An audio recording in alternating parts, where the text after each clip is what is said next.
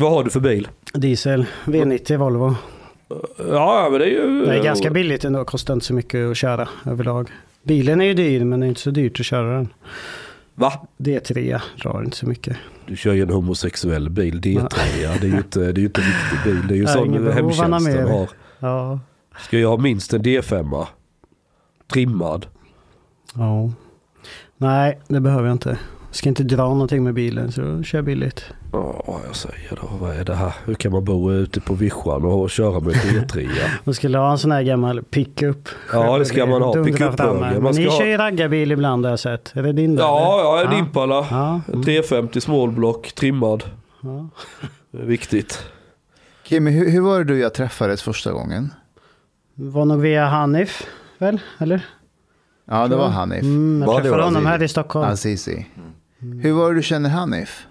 Jo, men han hörde av sig till mig. Jag jobb, föreläser ju också, eh, som ni gör. Och så hörde han av sig till mig om att han ville att vi skulle ha någon föreläsning ihop. Så jag skulle lyssna på honom när han var i Örebro en gång och då åkte jag dit och lyssnade på han. Skulle han lyssna på mig, men det gjorde han aldrig. Jag har fortfarande inte gjort. Det låter som Hanif. Men ville han prata känslor? Nej, det tror jag inte. Vad menar du? I varje avsnitt så vill han ifall alltid prata känslor. Ja, så kanske det är. Ja, Jag har inte är- lyssnat jättemycket på, på poddar. Jag har lyssnat lite grann. Jag har svårt att lyssna på poddar överlag. Jag tycker om att läsa. Ja, Okej, Men jag ja. lyssnade lite Ah, på vägen school. in när ni hade jag är Henrik också Jönsson sån. här. Just det. Mm. För att ha lite koll på vad som händer med mig när jag kommer dit. Vad är det du föreläser om? Ja, mitt eget liv, min livshistoria. Eh, mm, Ja, det är det egentligen. Can you hold a lecture right now? Och det är lite därför du är här. Ja, ja det är därför jag brukar komma Jag var någonstans. lite nyfiken. Vad gör du om dagarna förutom föreläser? Jag jobbar som tjänsteman i Kristinehamns kommun och då är jag fritid idrottsutvecklare. Du har blivit en batikhäxa. Ja. Jag tänker inte- svara på alla grejer ni säger mig, för jag vill ha ett jobb på måndag också. Du vill, ha- har du hört denna podden innan? Du, har du lite koll på den? det har Ja, du. därför har jag tackat nej tre gånger.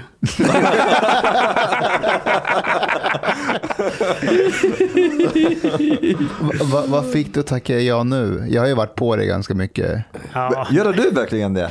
Tackade nej tre gånger? ja, inte tre kanske, men, men några gånger. Men, eh, nej, men det- handlar inte bara om det. Ibland så blir jag ganska trött på hela den här grejen med att föreläsa mig själv eller prata om mig själv. Ja. Många år sedan jag, jag var aktiv i det jag pratade om. Jag har ett helt annat liv nu, en helt annan identitet och så. Hålla på Tjata Men om det du- där kan bli lite utmattande. Men varför lämnar du Miljöpartiet? Vägen ut ur sekten. Vi, vi har ju inte ett miljöpartistiskt styre hemma i stan så de kan man snacka lite skit om kanske. Fast det är bara i Stockholm man har det. Var Alltså, är du rädd för att prata? Vad har du för styre i... i är det sossar eller? Nej, det blir nytt nu i, i valet så det är moderater, liberaler, centerpartister och jag tror Miljöpartiet, de är ju med de som styr oftast. Så de byter ju så. Så man jobbar som tjänsteman i kommunen så är man livrädd för de styrande politikerna. ja, nej, det är jag inte. Det är jag inte, men... Eh, Lite. Ja, nej, men jag är lite rädd för dem. Men... Eh, Det är lite Nej, fascistiskt sådär. Man måste anpassa sig för den politiska makten. Kimmy, tänk på att det blir ännu värre. med, med, med micken, du, du, du kan gå liksom runt den. Så säg att jag tittar på dig nu Ja, och pratar, då är jag precis. liksom här. Pratar jag med Snyggt. Omar så går jag liksom bara runt den. Det är som en, liksom, som en kuk som du... Så hela tiden ska ha nära munnen. liksom ja. Känns jättebra. Efter Ja. du har varit här två timmar så vill du bara tillbaka till nazismen. Allt var så mycket bättre. Förmodligen. Jag kommer aldrig mer åka till Stockholm igen eller Nej men det ska du inte göra ändå. Men du, du är liksom stjärnan här idag och kan inte du bara berätta om eh, vad du föreläser om och varför du gör det? Hur, hur länge har du föreläst? Och jag gjorde min första föreläsning 2013. Så, så jag ganska mycket föreläsningar då. Sen dess. eh, Det gjorde jag på en folkhögskola hemma i i Kristinehamn där jag bor. Eh, Så jag har föreläst en hel del kring det. Nu föreläser jag, tar jag de uppdrag jag vill. Jag har ju ett annat jobb och, och sådär, har en lön som jag går runt på. Så jag behöver inte leva på föreläsare utan jag tar dem jag tycker det är kul. Vad är det du gör i kommunen igen? Fritid och idrott jobbar jag med. eh, Som en utvecklande roll då. Men när vi ska gå på, rakt på sak, du, du har en bakgrund om nazismen. Mm, Vilken ja. organisation var det? Eh, Nationalsocialistisk front. NSF ja. blev ju Folkfronten och Svenskarnas parti sen. Ja just det. Uh, When, when did you leave? Eh, 2009. 2009. Hur gammal är du? 32 någonting. 32 ja. Och hur gammal var du när du gick med? Ja, alltså, det är svårt att säga när jag, när jag gick med, om, om när jag skrev på ett eh, medlemsintyg. Det var 14 år, men när jag började hänga med skinheadsen och, och de som var nationalsocialister, för då var ju skinheads nationalsocialister. Då var jag 12, 12 år. 12. Ja. Mm. Jag växte upp i ett område som det, det fanns ganska mycket nazism och, och skinnskallekultur i området jag växte upp i. Är det Kristinehamn fortfarande? Ja, nu är vi utanför Karlstad, det är ett eh, ort som heter Vålberg. Ganska liten ort, 3000 invånare kanske. Där växte jag upp och där är nazism ganska... Jag har varit med like, där jättelänge, ända sedan ja, 30, Det är 30-40-talet. poppis med nazism där. Ja, jag brukar any, säga att det fanns, eh, man, antingen var man hockeyspelare, fotbollsspelare eller så var man skinnskalle. but did you have any immigrants there or not at all? Ursäkta? Har ni, hade ni några invandrare där eller inte? Nej. In, Varför inte det? Det, det, hade, alltså det kom ju, flyttade, kommunen satte ju dit eh, ja, invandrare ibland men de, det gick inte så bra. för De vill dem, inte så stanna där. De, de flyttade därifrån ganska, ganska snabbt. Man eldade upp hus och det, alltså det var helt tokigt det området. Helt galet. Det, var, det finns någon bok om en familj, Labade heter familjen, som flyttade till, till Vålberg då. Så det var en generation innan mig med min bror och sådär. Så jag har varit med i familjen. Men de, de eldade ju ner huset för dem och, och sådär. Så de flyttade. Det var helt galet. Men om vi tar det här från början då. Så du är, Eh, när, jag antar att familjen du växte upp med var dysfunktionell. Ja, det var ganska mycket. Det var ingenting jag tänkt på då, men som jag kan se nu att jag var, när jag har flyttat ifrån den här orten och bor ja, lite större då i Kristinehamn och håller mig ganska undan eh, allt, allt som är kring familjen och sådär. Mycket drama, mycket, mycket tjafs, mycket konstigheter. Ja, jag tror jag känner igen det där. Ja, Det- När jag tänker på min så kallade familj så jag, jag ser det bara som något jävla white trash. Alltså det är bara ja, drama över ingenting och idioti. Jag har aldrig liksom växt mentalt utan man är kvar i 13-årsåldern. Min morsa är lite sån. ja, men ungefär, ungefär samma. Man är liksom kvar, lika trångsynt, tänker likadant som ja, man har ja, gjort innan. det, och, och kan hamna i konflikt med grannen över en idiotsak. Och så här, bara dumheter liksom. Och det, det känns liksom smutsigt att bara vara en del av det. Man vill bara bort från det. but, but was your family also Nej. ideologically... Nej, inte, inte, inte nationalsocialister eller så, utan kanske mer Men- lite Svensson-rasist ungefär. Jag, jag tycker inte om invandrare, men pizza, pizzabagaren går bra. Nu fanns det ju inga invandrare som bodde här, så det fanns inte så mycket att tycka illa om egentligen. Men eh, lite så här halvrasistisk och Mm. om man ska, man ska tänka typ strukturellt eller hur man vill, vill se det. Men om vi går igenom så här, vad var det som hände som gjorde att du kom i kontakt med dem och hur din resa...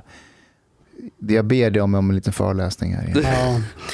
Alltså det är, egentligen så handlar, handlar det om eh, att jag växte upp i den här orten egentligen tror jag. För det hade nog varit oundvikligt att inte hamna där. Jag bli diagnostiserad svår ADHD när jag var tre år gammal. Blev medicinerad när jag var sex år gammal. Hade det stökigt hemma. Var ganska mobbad i skolan för jag kunde inte bete mig. Jag kunde inte vara still. Jag var ganska känslig som liten. Hade lätt för att gråta, lätt för att skratta, lätt för att Ja. bli arg. Det var liksom känslosvall som berg och dalbana så här. Det var, jag hade- ingen kontroll direkt. Om du hade fått spela hockey istället, hade det kunnat hjälpa? Ja, det tror jag. Men någonting annat om jag hade blivit införd i ett annat sammanhang. Jag har alltid tyckt om att skriva. Jag skrev liksom dikter när jag var liten och sådär. Poesi. Jag tyckte, alltid tyckt om det. Jag tyckte om att läsa. Jag läste när jag var väldigt liten. Alltid lä- det, det blev som en liten flykt läsandet. När det var stökigt hemma så kunde jag sätta mig på rummet och läsa böcker i flera timmar. Och, och sådär. Så jag tror att det, hade jag hamnat i någon sån sammanhang eller en sån identitet så Men blir i skolan fanns det inte andra likasinnade? Ja, inte så mycket. Alltså jag blev ganska, ganska mobbad när jag var liten. Just det. Så, mest för att jag hade lätt för att gråta och blev ganska ledsen ganska Ja, just det. Och, det är ju jättekul när någon gråter och man eh, går i lågstadiet och, och, och, och håller på med, med den. Så. Och då håller sig alla andra också borta för man vill ju inte hänga med den som är mobbad för då blir man ju själv. Och de enda som ville vara kompis med dig, det var nazisterna. Där blev du någon. Ja, fast inte riktigt Men då. lå, låt... Det där är ingen öppen fråga. Men vet du vad jag känner igen det här? Nej. Det är exakt när jag träffade SD-arna, eh, den feta Åkesson. eh, Det var ju 2000, det hade precis blivit Okej, Sean. SDU-ordförande. Okej, okej. Ja. Take, a step back. We Ja, have a guest. ja, ja, ja, Let's, ja, let him talk a little bit. Det är ganska skönt också att inte föreläsa och, och prata med varandra. Det är inte ofta, det vet ju Ja, jag föreläsare. vet, jag vet. Men, men vi kör på, jag, var- jag var en van att föreläsa. Alltså det är helt sjukt hur det där började egentligen. Det är så smått osannolikt men... Eh, och det berättade jag om i min föreläsning också då. Så, kort och enkelt. Jag hittade en CD-skiva med Ultima Thule-låtar. Och började lyssna på den här CD-skivan och började fastna lite i den musiken och sökte efter mer liknande musik. Eh, Och, och det spelades ju ganska vanligt i, i Vålberg på den här tiden. I, i, i rasthallarna och, och man var hemma hos någon och sådär. Så jag fick kontakt med en kille som jag fick låna en CD-skiva av och så fick jag låna lite annan musik av han med lite mer vit makt-musik ren egentligen. Med, Var det Screwdriver? Ja, med Pluton Svea, Storm, Screwdriver, li, lite sån musik. Och fastnade i den där musiken ganska mycket. Den påverkade mig, gav mig en identitet på något vis. Jag hade ju ingen annan identitet, jag var, var ju ingen direkt. Jag var ju mobbad, utstött och jag hade inga kompisar. Så hittade, hittade den här musiken och fastnade i den. Och blev inbjuden till de här då de, de som lyssnade på den här musiken och klädde sig i bomberjackor och kängor. Och, och, och vi var ju ganska unga. De jag hängde med var också unga från början. Vi var 12-13 år liksom och lyssnade på musik, tyckte det var häftigt. Jag fick gå på fest, börja dricka, träffa tjejer och ja, men allt sådär som man, But- man ska uh, göra. Uh, but uh, I have a question though. Is it was there like um, basically a group of friends who had these values and listened to this kind of music, and then when you listen to it, and then they got you to listen to it somehow, or you were interested to listen to it because of them, or you had no connection to them at all, and you just listened to the music and then started to seek people who listen to the same kind of music. You know what I mean? Was it was it first the friends or was it first the music? Ja, det var först musiken. Jag hade Really? hittat den här, den här musiken då, Ultima Thule. Jag tycker inte att Ultima Thule är rasistiska eller, eller något sånt där. Men, men för mig så blev det att jag fick en identitet i någonting. Jag hade ingenting att vara stolt över, men nu kunde jag vara, vara stolt över det man sjöng i musiken. Nu kunde jag vara stolt över det. Jag ville ha, för, det var jag, ändå svensk, jag är vit. Och det är mig de sjunger om i musiken då, ungefär. Så jag byggde mig en identitet om det och eh, letade efter mer musik. Och när jag letade efter musik så hittade jag de här människorna som jag började umgås med, som blev mina vänner. Och det där gick ju jättefort sen och till helt plötsligt så var jag ju någon, eller ja, inget Var särskilt. 12 Men jag hade eller? Ja, på to- 12. Okay. Men jag fick, fick kompisar, jag fick ett syfte, en mening, jag hade folk att hänga med, jag kunde gå på fest, jag kunde... Jag fick ha roligt som man ska ha när man är 12 till 13 år, kanske 14-15 då, vara ute på fest och, och, och leva rövare. Vilket år är du född? 89, Okej, okej. oktober 89. Du skulle kunna lyssna på Kent också. Ja, det, det skulle jag kunna Stå göra. i konsert med emo-brudar som Alltså har jag lyssnade mycket på Kiss och sånt där när jag var yngre. Lite Ja, hårdrock rock. och, och sådär tyckte jag var schysst. Men, men den här musiken, det blev det är någonting lite förbjudet och så är det någonting som man kan...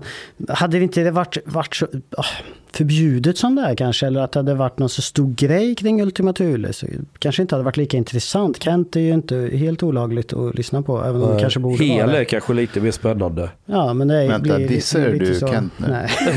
Nej, men jag lyssnar faktiskt på Kent, men han är, det är inte, det är inte min favorit.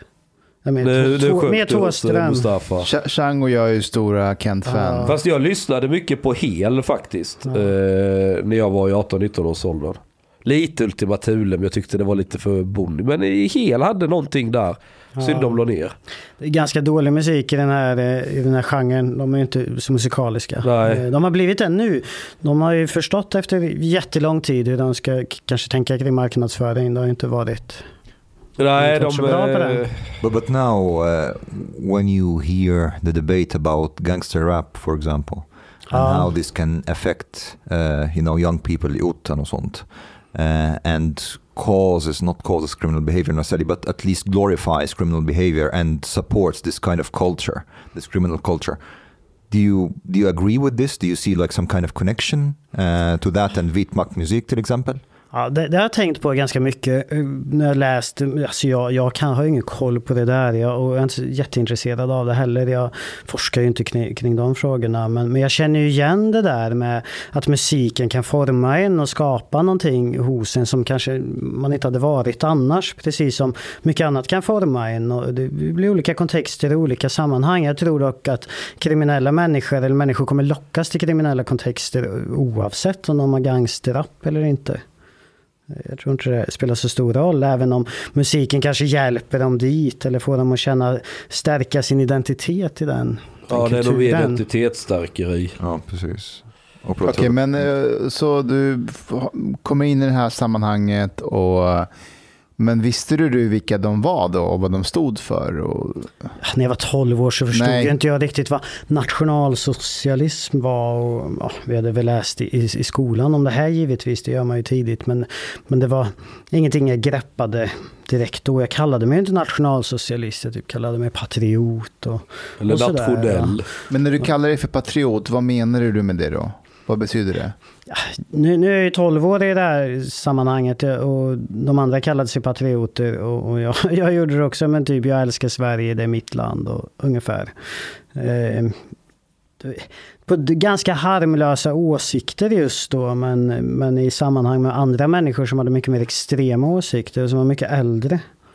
Så, så jag, blev, jag blev ju fostrad i det. Jag, jag hängde ju med människor som hade nationalsocialistiska värderingar när jag var 12 år och framåt. Det är ju klart att det påverkar mig att jag blev fostrad i den kulturen, den, den subkulturen och allt det våldskapital som finns och, och hur det formar mig som Men var, var du stigmatiserad då, där, där du bodde, eller Ja. inte? Det, det är ju, jo, Va- men, det var men det? I, i skolan framför allt då. Det var ingen ifrån orten som jobbade i skolan utan de kom från den större staden, då, Karlstad. En 100 000 invånarstad, så den är ganska stor.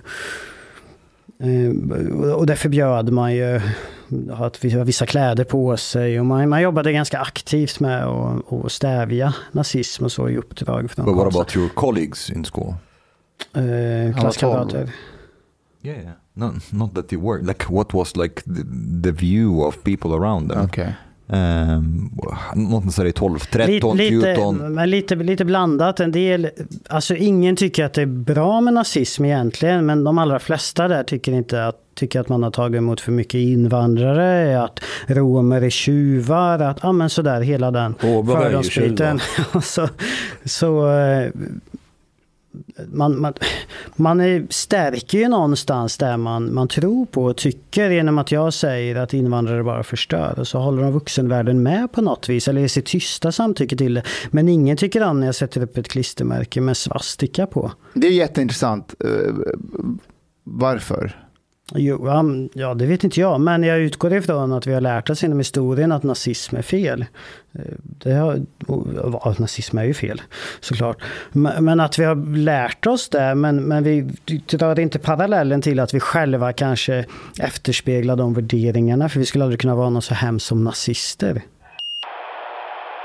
Det du beskriver där du växer upp, det här ska man säga, smårasistisk eh, och, och em, att invandrare förstör och sådär. Em, det, det behöver ju, alltså man, folk kan ju uttrycka sig så utan att vara nazist liksom, för, Ja, den, för den delen. Men det som är intressant var att ni hade typ inga invandrare där. Nej. Så vilka var det man pratade om? Var det generellt över hela landet? För vilket år pratar vi om nu? Det här är liksom... Och nu blir det här, där. jag är född 89, jag är väl vid 12-13 år. Eh, 90, 2002, 2005. Men då fanns det mycket invandrare i Karlstad. Ja, det fanns ju i Karlstad. Kronoberg, eller vad heter de? Kronoparken. Kronoparken heter det Kronoparken, ja. Det var ju ökänt och känt och vi åkte in dit när vi skulle fightas och, och slåss och sådär. But but they say there is a sweet spot actually for this, like uh, societies or communities that have basically no immigrants at all. They can be somewhat racist, Polen, And- Ungern. And those who have a lot of immigrants, they can also be racist. So somewhere in the middle. jag tycker maybe. inte det är jättemärkligt egentligen att, att man inte har invandrare. Alltså man lär ju inte känna den gruppen av individer. Man vet ju det enda man vet är det man läser eller det man hör. Så eller när det man lär känna dem så blir man ännu mer rasist. Det skulle vara sjukt om den här podden slutade med att Kim gick tillbaka till nazismen. På grund av en zigenarjude. Ja, det är varit. All right, men uh, 12, 12 då, uh, and you started like to, to, to get into a group of basically Nazis, more or less. Eller? Ja, skinheads. Ja. na- Alla kallades inte nationalsocialister på den tiden. Men, men det som What var sjukt var ja, skinheads eller patrioter och Okej. nationalsocialister. Eh, Det, det som var märkligt eller lite halv skrämmande på något vis, det var att man, man hade ändå någon slags stöttning av, jag hade ju, innan var jag ju ganska mobbad, ingen brydde sig om mig, men sen jag, man hade någon slags stöttning av klasskamrater runt omkring som inte hade med någonting med det här att göra, men som ändå på något vis tyckte det var bra. Jag kommer ihåg att jag skrev ut en massa flygblad från Nationens Änglar hette det, och så vad du inte får veta om invandringen, och så stod det sån här fakta En sån här klassisk eh, flyer, och satt in i alla, alla skolskåp på skolan, jag tror jag var 13 eller något. Och, och, och la dem överallt. Och de flesta höll ju med om det. De som, fick reda på att jag hade lagt in dem här, de tyckte ändå att det var bra att jag, att jag gjorde någonting. Och, Ja. ungefär. De var ju vanliga hockeygrabbar och Ja. fotbollstjejer, ja, inte tjejer, kanske fotbolls... Det är ofta grabbar som håller på. Som Men är nazist. nationalsocialister. Tjejer är ju ofta någons flickvän i regel. Men, men eh, under de här åren, eh, hur, eh, det ni höll på med, hur, hur, hur, gav det sig uttryck? Vad, vad, vad var liksom bland det värsta ni gjorde? Oj, ja. Alltså vi, i början så var det mycket så här fest och allt. Det var ganska kul. Jag hade ganska roligt. Det var en av, på något vis så är det ju en av mina bättre tider så i livet på något sätt. Eh, alltså man har ju sina bästa tider när man är ung och när man är fri och när man får göra vad man vill nästan. Och, och, och till innan jag hamnade i det här gänget då var jag ju killen som var själv. Den, den tiden minns jag ju som absolut inget bra. På något sätt och vis gjorde ju det här med någon slags nytta i min egen självkännedom och stärkte mig som individ. Eh, Det, det låter ju märkligt men på något sätt kan, kan jag tacka att det på något vis hände för att ta fram mig och för att kanske ha tagit mig dit jag är idag på något Ja, men det är vis. som när någon åker in i fängelse så, så kan de säga att Ja, det var så kan man tycka. ögonöppnare.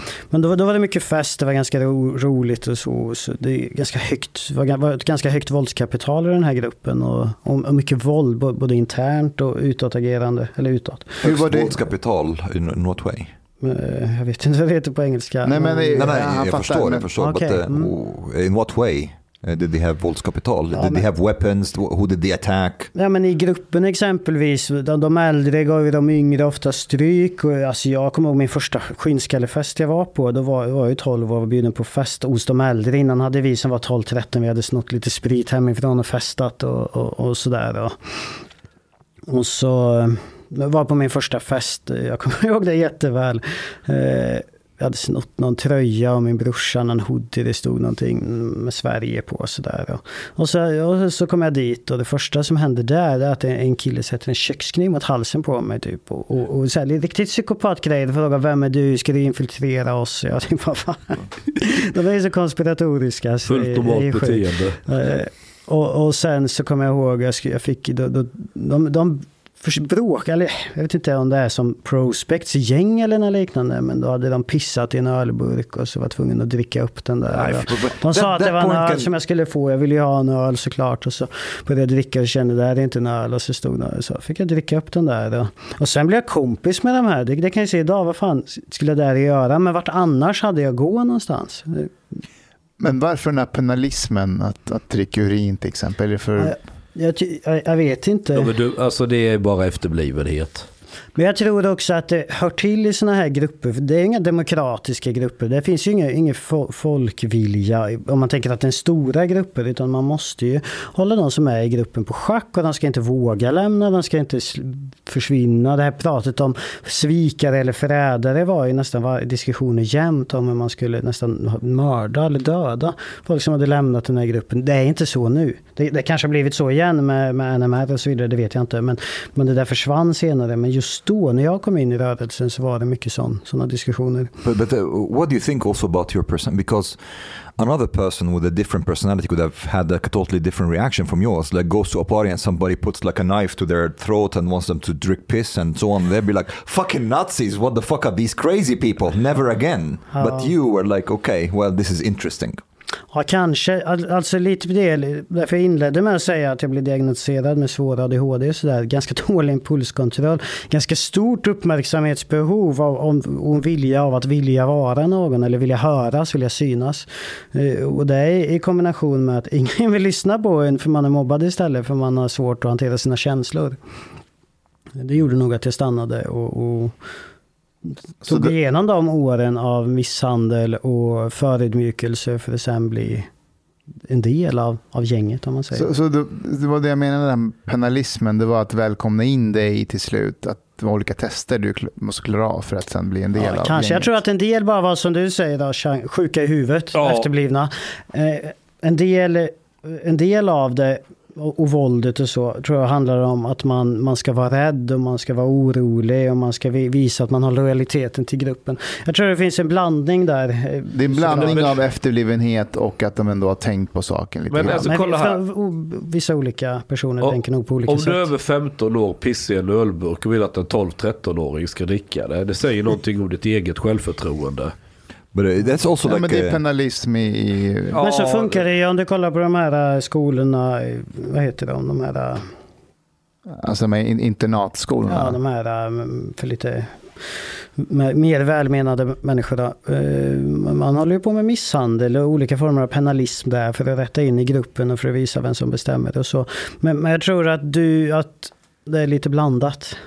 Det är inte jättehög intelligensnivå på de här människorna i regel. Sen finns det de som är riktigt, riktigt smarta och har ett väldigt högt intellekt. Så. but, but Det är that, en blandning. Det är ju så få av de här människorna. Nazist, nazism är ju inte stort. Det finns ju inte många nazister i Sverige. De hörs och syns och man blir rädd när någon slänger sig med en svastikafana och säger att de dyrkar Adolf Hitler. Det behöver inte vara många för att väl, väldigt många ska bli rädd för det. Hur många pratar vi om? Eh, Några hundra. Några hundra, det kan inte vara mer. Jag tror vi sa- att man har sagt så när det var som störst om eh, nationalsocialistisk front och så, kanske tu, tusen på sin höjd. Okej, av, eh, men då pratar vi aktiva.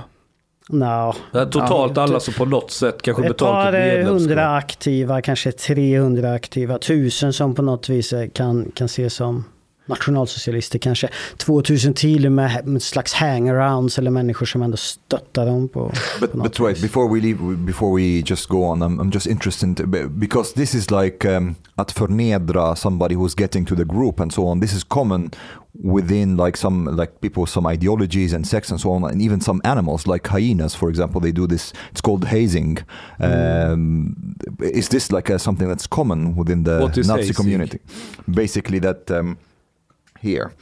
Hazing is any activity expected of someone joining or participating in group that uh, humiliates, degrades, abuses, or endangers them, regardless of a person's willingness to participate. Uh, there are three components that define hazing. It occurs in a group context, uh, humiliating, degrading, or endangering behavior. Uh, and then, after you go th- through this process, then you are accepted as part of the group. Uh, and is this something that's common within the Na- Nazi community that they have to do this to newcomers? Alltså jag kan ju inte svara för hela den gruppen av, av människor. Jag vet att det var så, så, i min grupp, där jag växte upp och i andra platser och människor jag träffat på. Och man har ju forskare som forskar kring det här och upptäcker det här i de här grupperna och som pratar om det här eh, extremt höga våldskapitalet. Jag tror att våldskapital eh, finns det ju som är väldigt stort i den här gruppen. Jag, jag vet inte hur det har sett ut i andra grupper men i, i, där jag växte upp i min grupp så, så var det på det viset. Okay. Hur många var ni ungefär?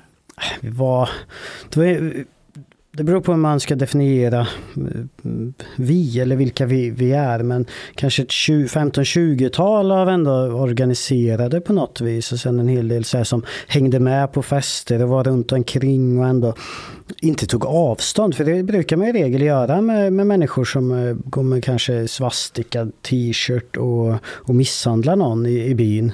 I regel tar ju folk avstånd från en sån person men, men det gjorde man inte. Det, det är, är någonting som jag tänker på ganska ofta själv. Jag tycker det är lite märkligt. Eh, jag skulle ju ta avstånd ifrån från det nu idag. Det, det är en grej som jag känner igen väldigt mycket från polisen. Att, eh, att när vi var ute och patrullerade så sprang vi på ett liksom, gäng som vi kände igen.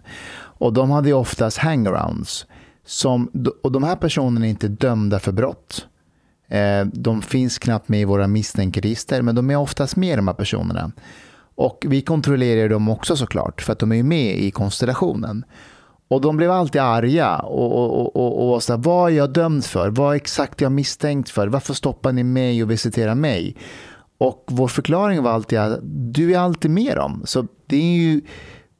Så, ja, du är inte dömd för någonting, men varför är du med de här personerna? Och vi kommer att kontrollera det. Så du, du är, du, jag tror inte du förstår det, men du är på väg in i det här gänget, mer eller mindre. Du kommer göra någonting och vi kommer ta det så, så, så småningom.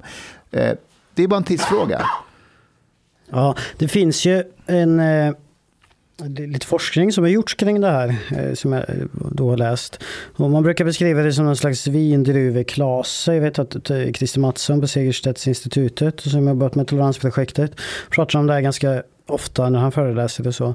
Men den här vindruveklasen då, att man Eh, att det finns olika delar i den här och olika grupper av eh, människor. Och det är det man ska jobba med att ta bort om man ska bryta de här grupperna. Exempelvis ta bort då de hangaroundsen eller de som vi tycker det du gör är okej. Okay. Man kanske inte säger det, det men man, man på något sätt eh, uppmärksammar det man gör och, och ger någon slags kanske tyst beröm av det. Man godkänner och accepterar. Och när man börjar ta bort dem då finns det ingenstans att få uppmärksamhet ifrån längre. Och det, och det där kan jag koppla till och känna igen från, från när man själv var ung hur mycket mycket eld, eller vad ska jag säga, bensin på elden eller hur, hur den här gruppen stärkte in på något vis. Annars hade vi varit ganska ensamma vid, vid 10-15 personer. Men hur tar man bort dem?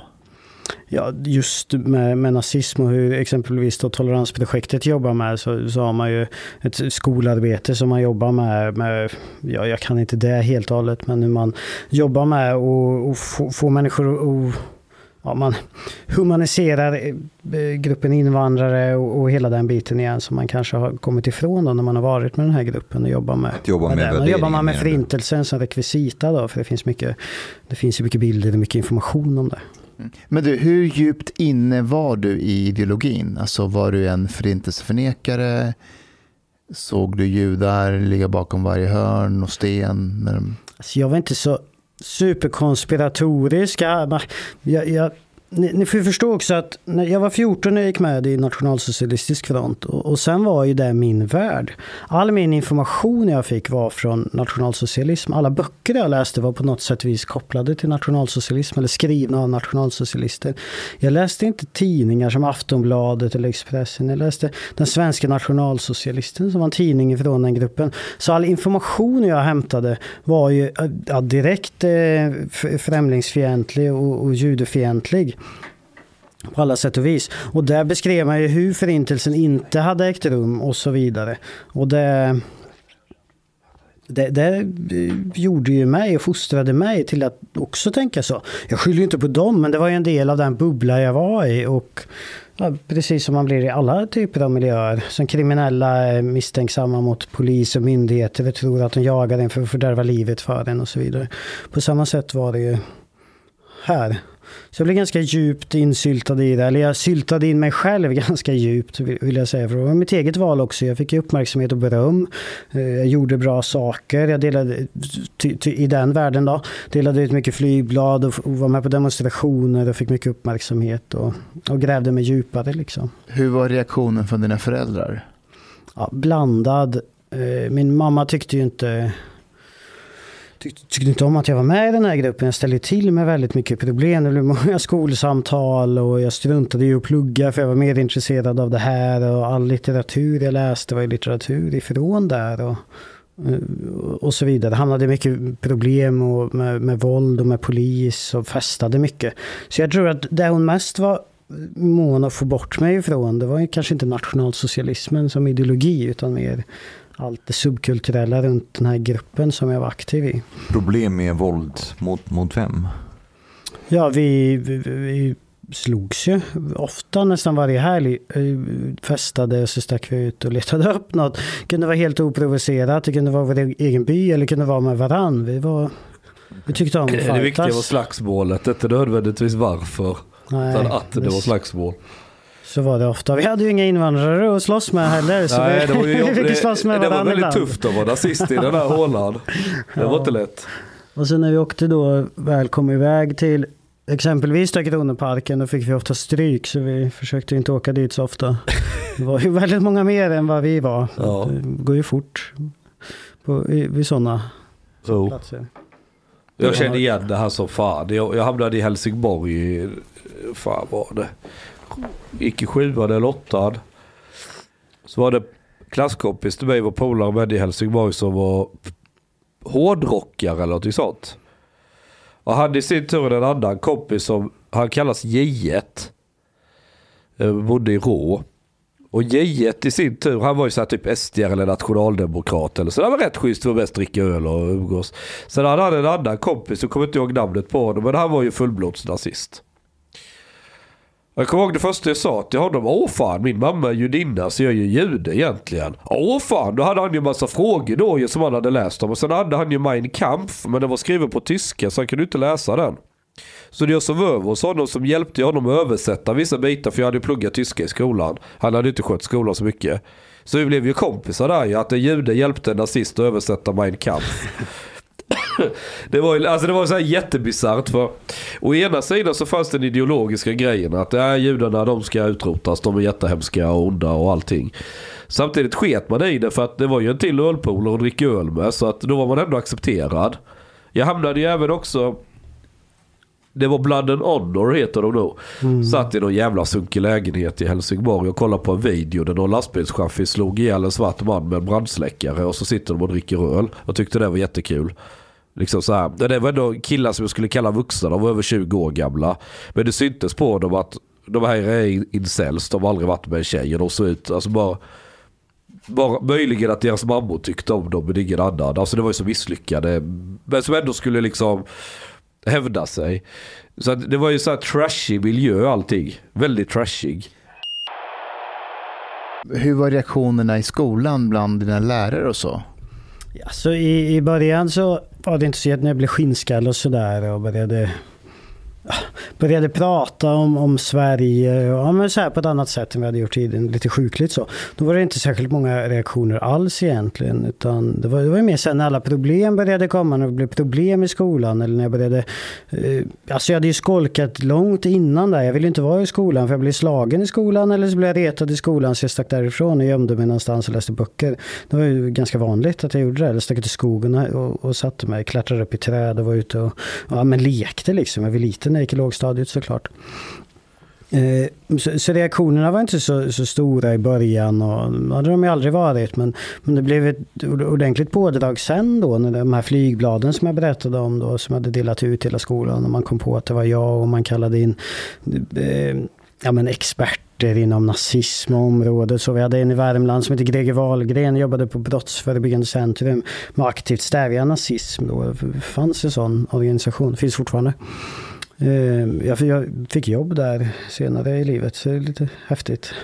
Men, at the same time, there were no immigrants over there, so it's maybe some people were like, no big problem. There are no. Ja, men det blev ju ett, jo, man tyckte ändå att det var ett problem i skolan, men det är ungefär som att det var ett problem för att det blir dålig statistik, eller det var ett problem för att vi vill inte att vi ska vara skolan som har flest nationalsocialister, eller typ, det var mest, jag, jag upplevde aldrig att problemet var att det fanns nationalsocialism, utan istället att problemet var att man var våldsam och levde i den här subkulturella miljön och förstörde skolan, man skolkade och så vidare. På ett sätt var ju ni de icke skötsamma invandrarna i skolan. Ja, ska But säga. how, how was how was it with the with the girls then?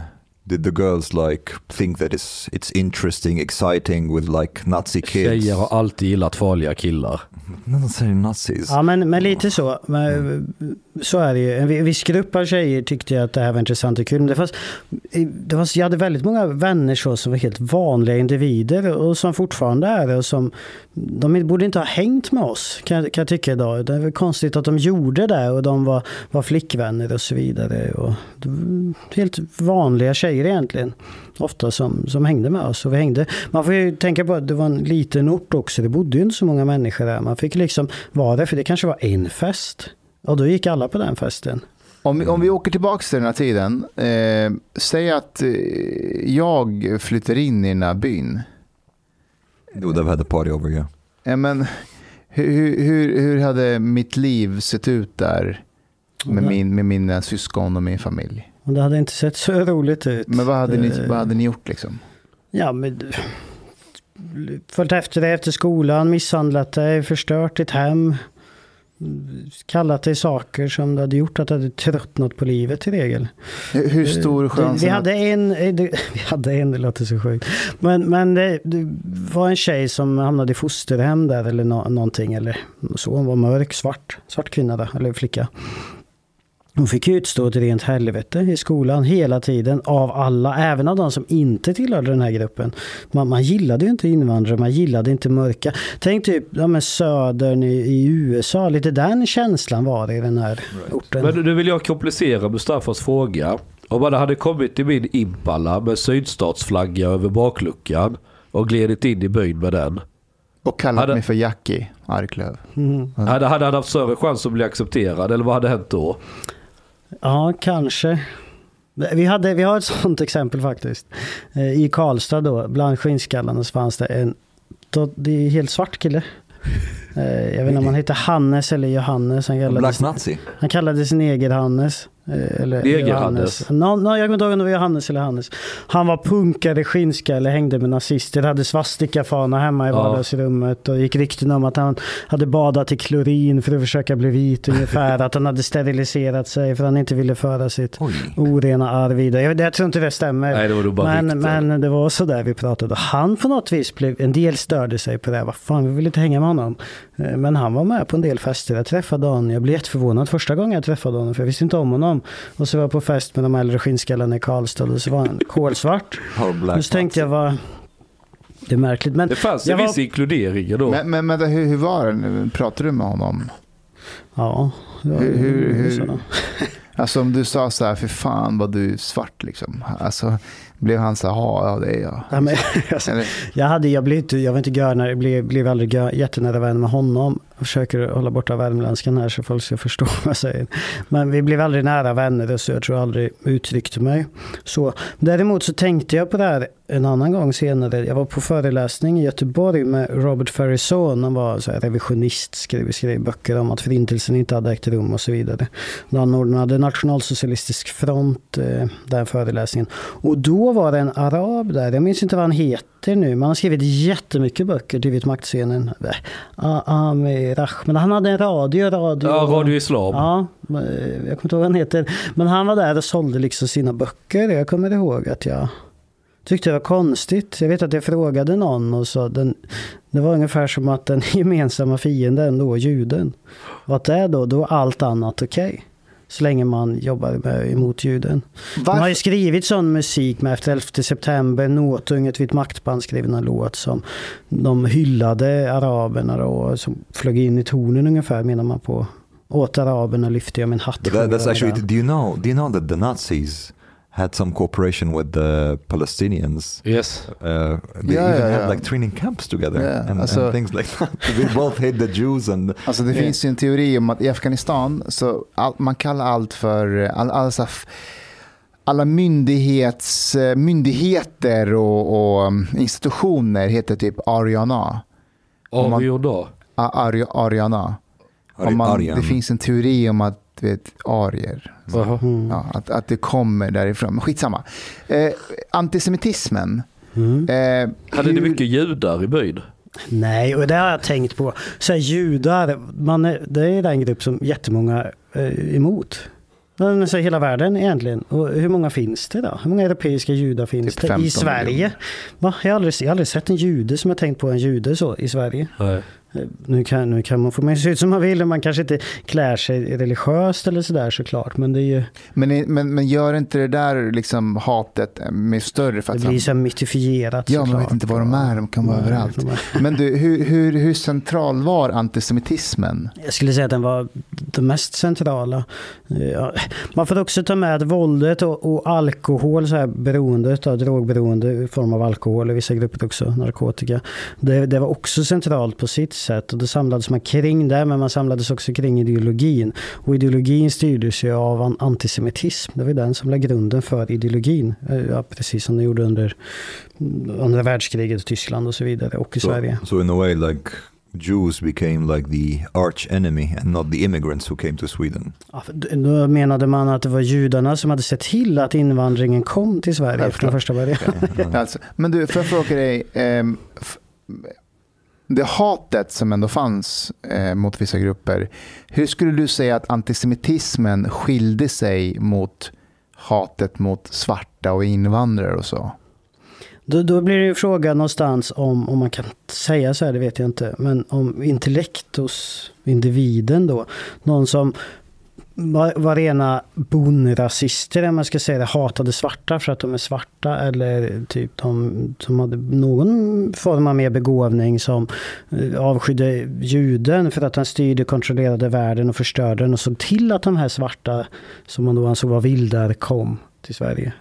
Så, så det blir lite sk- skillnad där. Men, Det finns ju men- grad, ja, jag känner igen det där. i, I regel så... eh, Rasister tycker ju kanske inte bryr sig så mycket om judar. Utan tycker mer illa om invandrare och, och mörka. Medan nazister har mer fokus på Just judar. juden. Det var lite det som var min, min poäng därför att antisemitismen eh, skiljer sig på ett sätt från vanliga rasistiska bild, bilder. Och det är att man ser upp till judar ju. Alltså ju, eh, nazister ser ju egentligen, så här, när man pratar om judar så ser man ju inte de där lata judarna som aldrig jobbar. De är duktiga affärsmän de har lyckats tagit över världen. Kanske var det, så att man själv kanske vill det där, inte vet jag. Men, men ja, ja Det är nästan som att precis. man Avundas. Ja, precis, de blir en spegelbild av det man inte själv har åstadkommit. Medan den Jag- jag drog- generella rasismen är att man ser ner på dem. De där är inte värdiga oss. De är... Jag, jag var ju inbjuden i någon sån här podd där Magnus Söderman var med och... Var någon... motgift. Ja det var det nog, ja det var det nog. Har du varit med i Motgift? Ja, Varför var du med i Motgift? varför inte?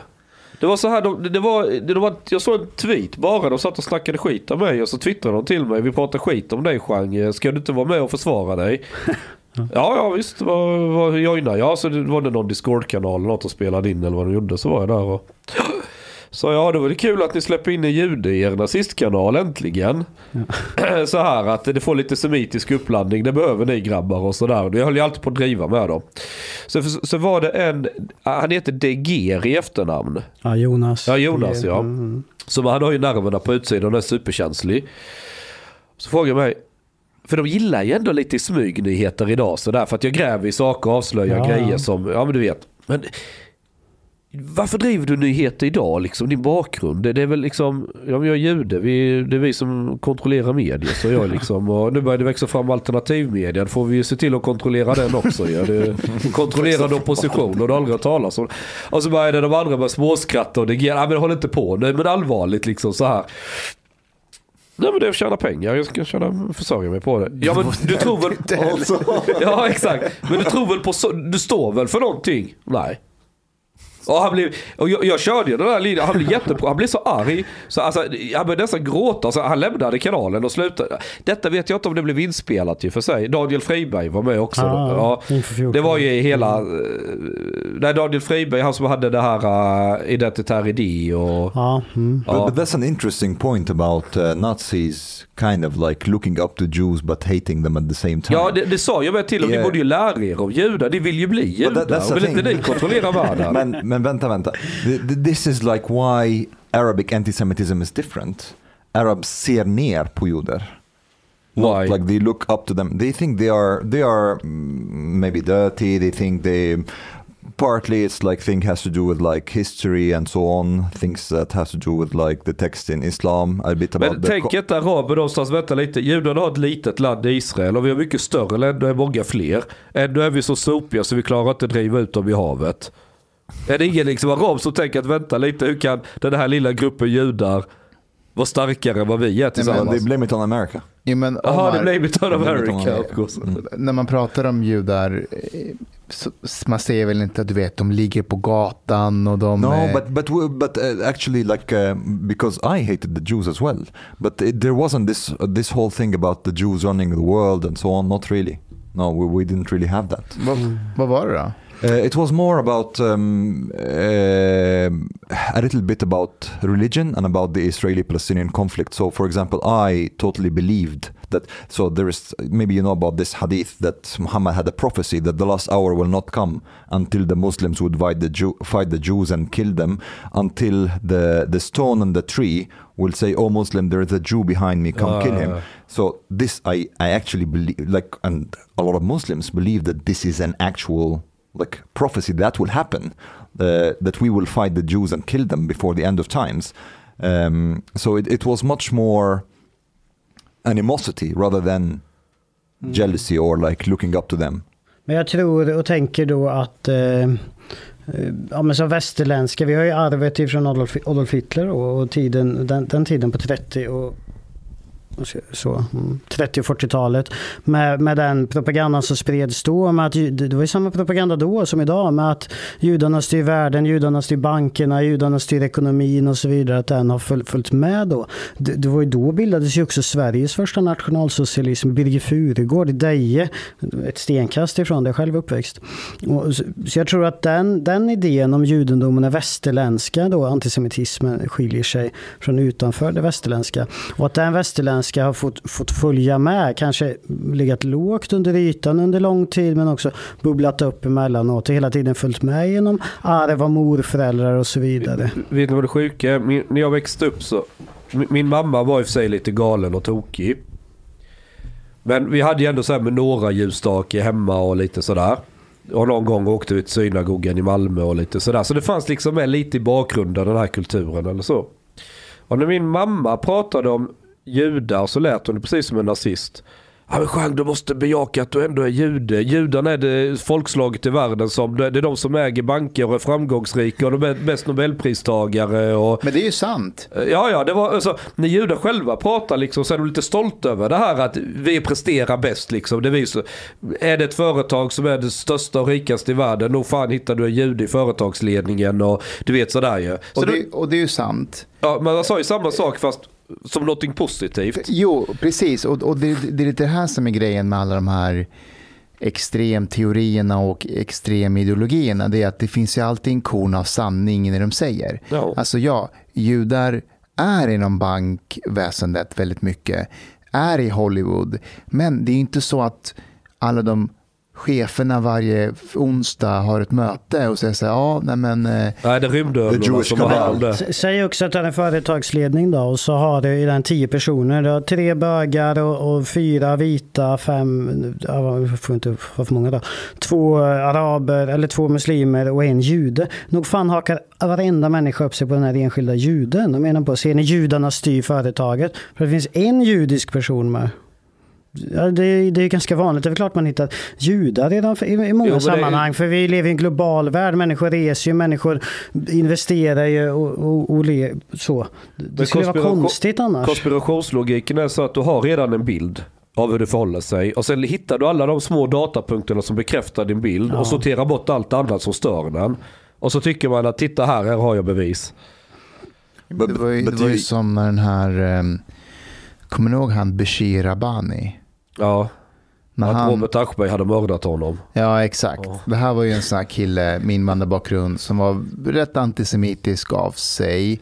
Jo, men jag han snackade med honom och tog upp det där faktiskt. Ja, Och då, alltså det var mer en identitetsgrej, du vet. Han fick uppmärksamhet. Alltså, där kan vi prata en kille som vill ha uppmärksamhet. Alltså Han- det var inte... ja, det ville han ver- verkligen. Och jag ska ändå ge honom creds för han var inte en sån där som bara skrev och särskrev och, och du Han vet. knackade ju på hos folk och han var rätt rolig. Ja, det var han. Men han dog av någon överdos eller något sånt. Nu vill jag inte eh, spekulera, men det var någonting. Hjärtat stannade mitt i Ja. natten. eh, Något sånt där. Ehm, och, eh, och då spreds det att, att det var Robert Aschberg som hade mördat honom. Eh, och han hade tagit hjälp av Mossad. Ja. Ja. Eh, ja, det låter fullt rimligt. ja, därför att han hade ju granskat Robert Aschberg. Ja. Och sånt där. Det var ju eh, Men det är ju alltid sådär. Det är ju inget, inget Alltså att- ovanligt. Det är ju Alltså att såna här- Robert Aschberg dödar de Att det- som... det- Nej, nej, med hjälp av att Mossad. Men det är så mycket konstiga idéer och teorier. Vad som än händer så kan man ju skylla det till judendomen. judarna. Spelar ju ingen roll. Did you go from like uh, you or your group? Did you go from just like having these ideas to trying to translate it into violence? did ever go to Volksbjörk and the extremism basically? Did, didn't you think like okay, we go where the immigrants are and then maybe we kill somebody, we mishandle någon? Men det, men det gjorde vi, men det var nog mest för att vi, vi, ville, vi ville slåss, vi ville ha våld. Det kanske inte var av, i, i uttryck att okej, okay, om vi går hit och spöar de här så kommer vi få bort dem härifrån och kommer de åka tillbaka till sitt land. Eh, och så har vi löst en del av det här jättestora problemet som vi upplever. Men det, det, det, var aldrig riktigt... vad? Vad gjorde ni? Vi tyckte om att slåss och vi ville slåss med, med i regel invandrare eller kommunister. Då. Eh, det är en ingruppskänsla. Man ja, gör något tillsammans. Gruppaktivitet. Man pratar ju alltid hela tiden i den här rörelsen om det kommande raskriget när vi ska beväpna, jag skulle vilja se hur det gick till i praktiken, men, men när vi skulle, skulle beväpna oss, ge oss ut och och rensa. det är så ständigt återkommande och det, är en del av det här våldet. Utan våldet så tror jag, i alla fall min grupp då, inte hade varit... Eh... Var det did you attack any immigrants yourself or not really? Ja, eller, eller vad, vad menar du? Har du slagit invandrare? Ja, ja, jo. Det är klart att han har. Tyvärr, då så jag har gjort det. Svenskar också, alla möjliga folkslag såklart. Men det var kommunister, vi slogs, de mycket. väl det? Ja. Åkte, du, åkte, du, åkte du dit för det? Yeah, this what I mean. Ja, ja, ett par gånger har jag åkt dit för misshandel och grov misshandel. Kan, kan, you, kan du berätta lite om det?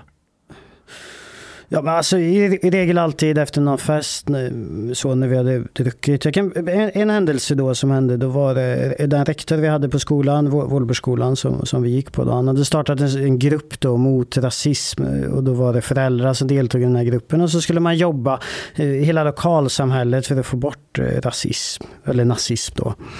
Och så hade de möten så här på skolan på kvällarna. Och vi, vi tyckte, retade oss på det här, fyra stycken i den här gruppen. Vi, vi satt och festade, klockan var tio på morgonen kanske. Och vi, vi drack massa alkohol. Och, och, och ju mer vi drack, ju argare blev vi. Och triggade igång varann. Och, och lyssnade på tung vit maktmusik. Det är ju inga fi, fina sånger. Det är inga trevliga visor som, som sjungs.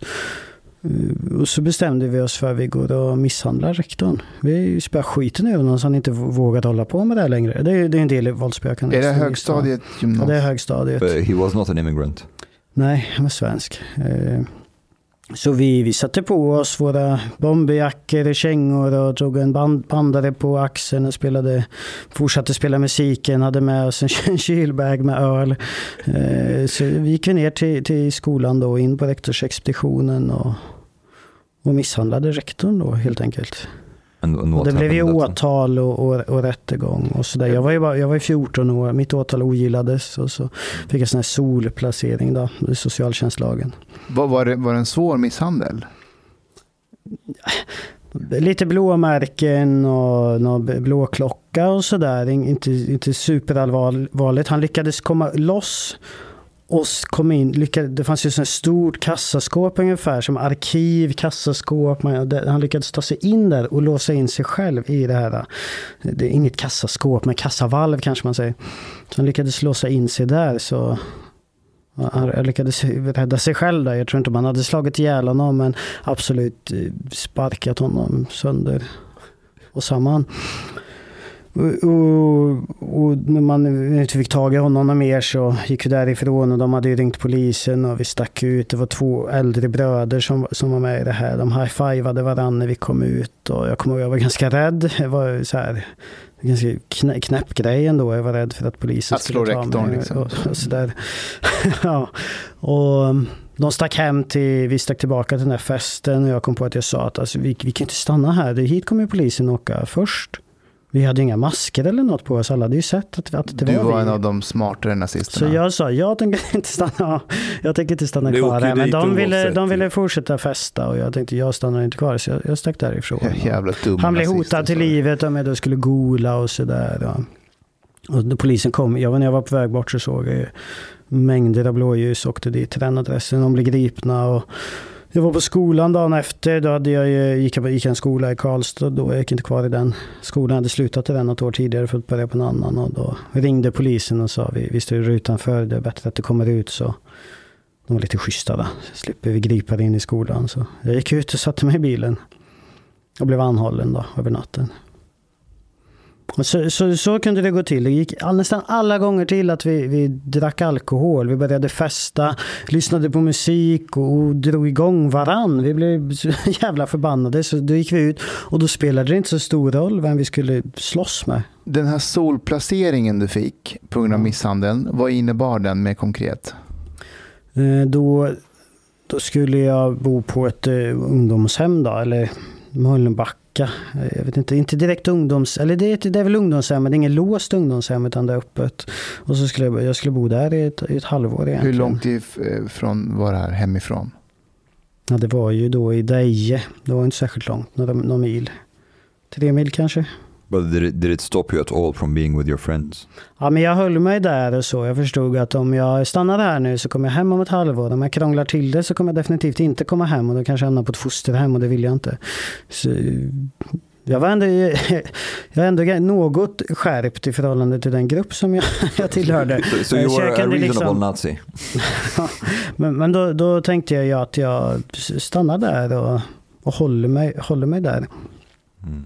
Tills jag får åka hem då. Visst, man gjorde ju massa dumheter där såklart. Jag var, vad var jag, 14 och fyllde 15. Det var klart att vi stökade. Det hände lite grejer och, och sådär. Men du, eh, när var det du började få tänka om? Och, ehm, But maybe, maybe before that, you asked, uh, we should ask like when did it peak? Ja, det var nog eh, alltså 2005, 2006, 2027 omkring där. Då började jag åka på ganska mycket demonstrationer med Folkets marsch här, som är i Stockholm då på nationaldagen och i Salem. Var du där när Söderman höll sitt fantastiska tal? Ja, fantastiska. Ja, det här med Ja, ja. Reinfeldt eh, och Barbar. Vi, vi måste... Jag ska Men vi har ju spelat vi har, vi har Har vi gjort spelat upp det innan? Ja, ja. ja. Ja. Alltså det var sån inlevelse, sån... Eh, Han triggade igång oss helt otroligt mycket när vi, vi var där. Och det var ju, jag tror det kom 50 piketbilar eller något sånt där. Det körde in på Gärdet och, och grep många. han borde gå teaterskolan, den där Söderman. Han har talang. Det Han man har talang. Han är ju gammal pastor va, i någon, någon slags kyrka, någon, någon vit maktkyrka av något slag. Han kallas ju pastorn i... Det finns ju många vit maktkyrkor, typ kreativistens kyrka och, och But, but I mean, like the, the height of the escalation was Ja, just that you, that you were just in demonstrations. And, Nej, men jag började åka på demonstrationer och började Okej. lära känna många mer, fler människor. Jag blev då gruppledare för den här gruppen jag tillhörde i Värmland. Vi var två stycken som blev, kallades länsledare. Det finns ju titlar och, och What rang were your på, goals? på, på allting. Ja, jag vet inte om jag hade så mycket, mycket mål då. Men, judar. Vad, vad No, but I mean, like if it's like some kind of like a group and so on, the Ja, men jag, ville, jag ville vara en ledning, jag ville leda dem jag hade under mig och, och sådär. Och, och det var, var det jag fick göra. Och jag höll lite tal, egna tal, jag anordnade egna demonstrationer då i Värmland. Eh, där jag också talade och, och sådär. Och det var väl ungefär så långt jag kom. När vi bildade Folkfronten sen då, det var 2008, eh, så la vi ner Nationalsocialistisk front och bildade Folkfronten. Och då satte jag med i den parti, eller organisationsstyrelsen om man säger. Eller inte styrelsen men i arbetsgruppen om man säger. så. det, det var väl så långt jag kom i den. Där, där man kan bygga karriär om man vill i det här. Alltså för sin egen, sitt eget egos skull möjligtvis. Man kommer aldrig tjäna några pengar på det. Men Nej, ni är ju jag, gick, judar. jag gick ifrån att, att vara mobbad då i alla fall till att vara med och, och leda Sveriges nationalsocialistiskt största parti då. Träffade det var du, någon, träffade du Mikael Skilt någon gång under den här tiden? Jag träffade honom senare tillfälle när jag var på en demonstration med eh, SMR då, Gösta Hallberg Kula, det var, var också här i Stockholm, vid Ja. hans eh, grav där. Då, då träffade jag honom. Han var ju, det var innan han, eh, Hade hoppat av? han drog iväg och... Lekte soldat i Ukraina. Ja. Jag tror han mytar rätt mycket om sina hjältedåd i Ukraina. Ja. Han var Han- väldigt aktiv i sin organisation var han. It's, it's impressive how you how much you are acquainted with the Nazi scene in Sweden. I- i- i- There is not so many. It's Okay. easy to, to keep a track on them. Jag måste bara, när du, nu när du är liksom gruppledare eller till och med ledare för hela eh, nationalsocialistiska. Ja, det var jag inte, inte ledare för hela. Men jag hade min grupp i Värmland då som jag såg till att dela ut flygblad och vi anordnade demonstrationer. Hur många ansvarar du för? Ja, det, det, det blir också så här, hur många aktiva, hur, hur är man aktiv? Men ett 20-tal ungefär var vi runt om och sen med lite sympatisörer. Vi kunde väl samla ihop till en mellan 50 och 80 personer på en demonstration sådär, 100. Det är ju inte så många i den här gruppen. Det är inte jag så... fråga dig, blir, blir, blir det, liknar det mycket en vanlig organisation? Alltså har ni mycket så interna problem? Typ har ni, måste ni ha HR-avdelning? Och, Ja, fa- det, det, det är ju mycket problem, men problemen är ju inte som i en vanlig organisation. Det är ju problem med att någon har varit på den enes flickvän eller någonting, så man får lösa en konflikt som pågår ganska, ganska det klassiskt. vill jag höra. Det, Eh, det samtalet där du pratar förnuft med Det, någon. ja, men det är jättesvårt. Jag, vet, jag, hade, hade, jag skulle ha en studiecirkel, skitenkelt. Vi skulle läsa och så skulle vi diskutera det vi hade läst. Och ingen av dem klarade av att läsa det materialet jag gav dem. Dessutom att jag fick sitta högt och läsa för den som en jävla skolklass. Och det funkade inte heller för de höll på och fjantade och, och sådär. Tänkte jag, det, det, var, det var ju inte det man ville ha som elev. Men v- var det, var, var det här En, en... en del då. Sen var ju en del väldigt intelligenta och, och väldigt med i Sven- Daniel Höglund som var ledare för Nationalsocialistisk front. Eh, Och sen, senare då, han var ju, jag tror han pluggade och höll på med så här molekylär, molekylär biologi och sånt där. Han var en bright person, smart, intelligent. Så det Mm. finns ju båda världar i den här. Men när du ska högläsa för dem i din studiecirkel, kommer du ihåg vad det var du läste om? Du försökte få in det i deras huvuden. Ja, jag minns inte riktigt exakt vad det var. Jag köpte hem en del skrifter då, så kortare böcker liksom. Ja. Som vi skulle läsa ur. Om Kommer du ihåg var... någon av dem vad de handlar om? Men om det var, vad, vad hette han i The Order som satt i fängelse sen som skrev en hel del? Med de 14 orden och det här. Du verkar ha koll på det här så 1488. det kanske vet vad jag Men, men vad, men vad, vad handlade texterna om? Var det... det var, ofta var det så här om kamp och någon individs kamp. Det är ju ganska halvnarcissistiska människor som skriver det här. Man vill gärna Mm. beskriva sin, sin kamp. sitt eget och, hjältemod och- och sådär. Eh, Så vi läste lite sådana, lite enkla. Vi läste på om vår, vårt eget partiprogram och Ja. att man skulle förstå vad man, vad man talade om och, och sådär. Ja, det, Det var inte så många som var intresserade av att läsa det här. Man ville ju, många ville ju festa och gå De på ville dricka öl demonstrationer. Och, och och det var häftigt att vara den som ingen tycker om och man var ökänd och sådär. N- när var det det började så, så frön hos dig där du började tveka? Det var nog studiecirkeln. Nej, men... Eh, alltså det hände ganska mycket. Det hände ganska mycket i mitt liv på ganska kort tid. Jag känner mig ganska väldigt gammal. Jag känner mig väldigt så här, inte trött, men så här, jag är färdig. Ungefär. Hänt så mycket. De- här åren som jag beskriver nu, alltså det hände ju en, en miljon saker under den här perioden. Så jag hann ju växla ganska snabbt med mitt eget tycke och mina ås och egna åsikter. Jag, som, som när jag var 12 där, då tyckte jag typ att ja, men, hylla Hitler och sådär. Förintelsen kanske man tyckte hade ägt rum och det var rätt att göra så. Det- 13 där, i det första steget, sen nej men förintelsen har inte ägt rum och sen, ja men jag tror nog, man växer upp, man blir lite intelligentare, man, man kan läsa igenom och sådär, läsa på och förstår att det finns. Och, och, och så pågick det ju hela den biten. Sedan jag, jag något tillfälle så var jag trött på, på mitt liv helt enkelt. Jag var, jag var inte, eh, 2008 ungefär där. Jag var inte, inte, inte nationalsocialismen specifikt, men på att alltid vara i slagsmål, att, slagsmål, att alltid festa. Jag var trött på hela den karusellen.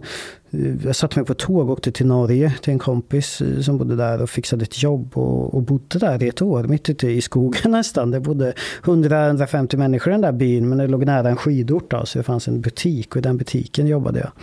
Och bara så här, höll mig borta från allt kaos men fortsatte styra det, den delen av organisationen som jag hade ansvar för och åkte hem när det var demonstrationer och liknande. En nazist på exil i Norge. Ja. Eh, nej, men det, var, det behövde jag nog då. Jag var, jag var väldigt trött nästan, så här, ut, Alltså en utmattad. utbränd nazist. av, eh, av, Ja. eh, ja. men av allt våld och all, jag började ju typ alkoholist eh, beteende när jag var 12 liksom. Jag hade ju hunnit på och festat en hel del eh, hi- hitåt då. Men hur gammal är du här när du drar till Norge? Oj, vad kan jag vara då? Eh, 18, 18, 19, mellan 17 och 19 någonstans där. Men då, jag bodde där ett år, jag flyttade hem 2009 sen och då, det första som mötte mig när jag kom hem det var så jag fick en av mina bästa kompisar hade hängt sig, han hade tagit livet av sig. Eh, var, var gudfar åt hans dotter och sådär, så vi var Var ganska han också tajta. med i rörelsen? Ja, han var med i, i SMR då, som blev NMR sen. Eh, Den, han var, så han var en annan organisation, men vi, var inte så många hängde upp. Och jag kommer ihåg att det påverkade mig väldigt mycket. Jag kommer ihåg att jag började dricka massa alkohol igen. Och jag, jag hade inte lärt mig jättemycket känslohantering och känslokontroll i, i, under den här tiden. Jag hade ju tryckt undan alla känslor jag hade. Och, Synd att vi inte har Hanif. Jag ska precis säga det, Hanif hade älskat detta. Och, och, och, från att vara den här som jag beskrev i början då, med, med den här svåra ADHD, ingen kontroll över känslor, lätt för att gråta, lätt för att bli arg, lätt för att skratta. Så här, i så här överdimensioner. Till att trycka bort allting, alla känslor och bara vara stenhård. I, i alla lägen, alltid, i, i många år. Till och sen när det här hände och alltså, bryta ihop nästan och försöka o, o, få bort det. För jag vet inte hur jag ska hantera de här grejerna. Jag vet inte hur jag ska hantera de känslorna. Och jag började dricka alkohol och det hjälper liksom inte längre. Det kvittar hur full jag blir. Jag hamnade på någon fest och jag provade ta droger första gången. För att ta amfetamin. I den gruppen jag hade varit, det var det så här, ja, men det var invandrarna som höll på och rökte hasch ungefär. Ja, med knark överlag så där. Så det skulle inte vi göra. Ta motsatsen, något uppåt. Amfetamin. Ja, så vi, nej, men vi, det, då drack vi alkohol. Så jag hade aldrig varit i närheten av droger på det här viset under min, min uppväxt. Så jag provade amfetamin när jag var, vad var jag då, 19 år. Och fastnade i det. Det funkade jättebra för mig och min ADHD. Och det rensade skallen på tankar. Och, jag blev ganska lugn av det. Jag blev uppåt såklart, men ändå lugn och kunde varva ner på något vis. Så fastnade i det. Eh, ett beroende i det helt enkelt. Och började ta alla droger jag kom över och blev alltså, ja, men narkoman. Och, och i och med det så började jag byta ut den här vänskapsgruppen som jag hade. Slutade hänga med de nationalsocialister då. Och, och började hänga med människor som jag kunde köpa knark av. Och till slut så hade jag, tjäna, kunde jag inte tjäna pengar själv. För jag, missbrukare har ju sällan arbete. Eh, började stjäla eller få pengar på andra vis. Och, But wait, did, did your ideas change first or did your gemenskap change first? Det var inte ett idé, att jag, hade- jag hade fortfarande samma idéer. Jag såg mig själv som en nationalsocialist på att jag ville ta droger. Jag tyckte, och jag hängde med människor som tog droger. Jag hade inte ändrat någonting i huvudet utan jag fortsatte knarka. Jag begick väldigt mycket brott under den här tiden. Blev gripen av polisen väldigt många gånger och till slut, i slutet på 2009 stod åtalad för jättemånga brott. But wait, are, are, you try- are you trying to say that it was drugs that made you stop being a Nazi? Nej. Nej, men, men det, alltså det ser ofta ut så i den här världen. Många som lämnar nationalsocialism hamnar inte allt för sällan i, kriminella gäng. Ja, men kanske med mc-kulturen och så vidare. Det finns jättemånga exempel på det. Jag tänker inte ta upp dem här nu för min egen skull. Men eh, det, det är inte så ovanligt. Om man läser om, om det så kan man, förstår man att det, att det är verkligen så. Man hamnar väldigt lätt i missbruk eller hamnar i annan kriminell miljö. Mm, eh, så, så mot, mot årsskiftet så... Så...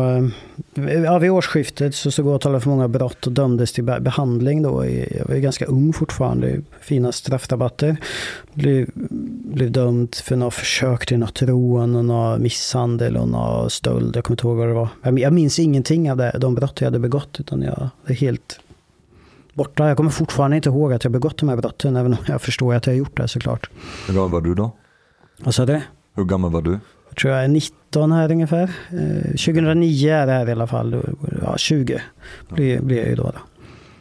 Och eh, dömdes till behandling och det var väl lite senare på den behandlingen jag hamnade på som jag fick lite tid att reflektera. Jag gick ganska mycket KBT-terapi för att hantera mina impulser, svartsjuka, ilska.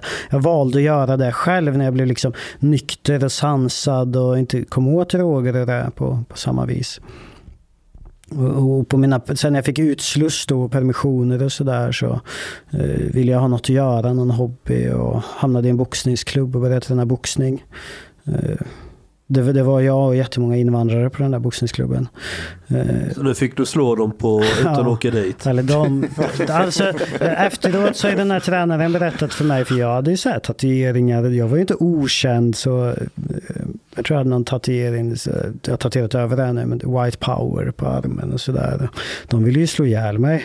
De andra boxarna, de, de, de, den här tränaren hade ju sten, stenkoll koll på det här och såg till att nej men vi välkomnar alla här, vi öppnar dörren för alla. Ni får, får vara schyssta mot honom och så får ni visa att ni är bra, bra människor istället. Ungefär var hans idé då. Så han satte mig så... hur bra funkade det? Ja, men det funkade ändå ganska bra. Jag började träna med en kille då, Omed. Och, och vi, vi tränade ganska mycket ihop och han, började, han pratade jättemycket hela tiden, tjatade. Världens mest sociala människa. Jag ville inte ha något med honom att göra egentligen, jag ville lära mig boxning. och, och, och han var ju den som skulle lära mig, så jag hade ju inget, inget, inget val.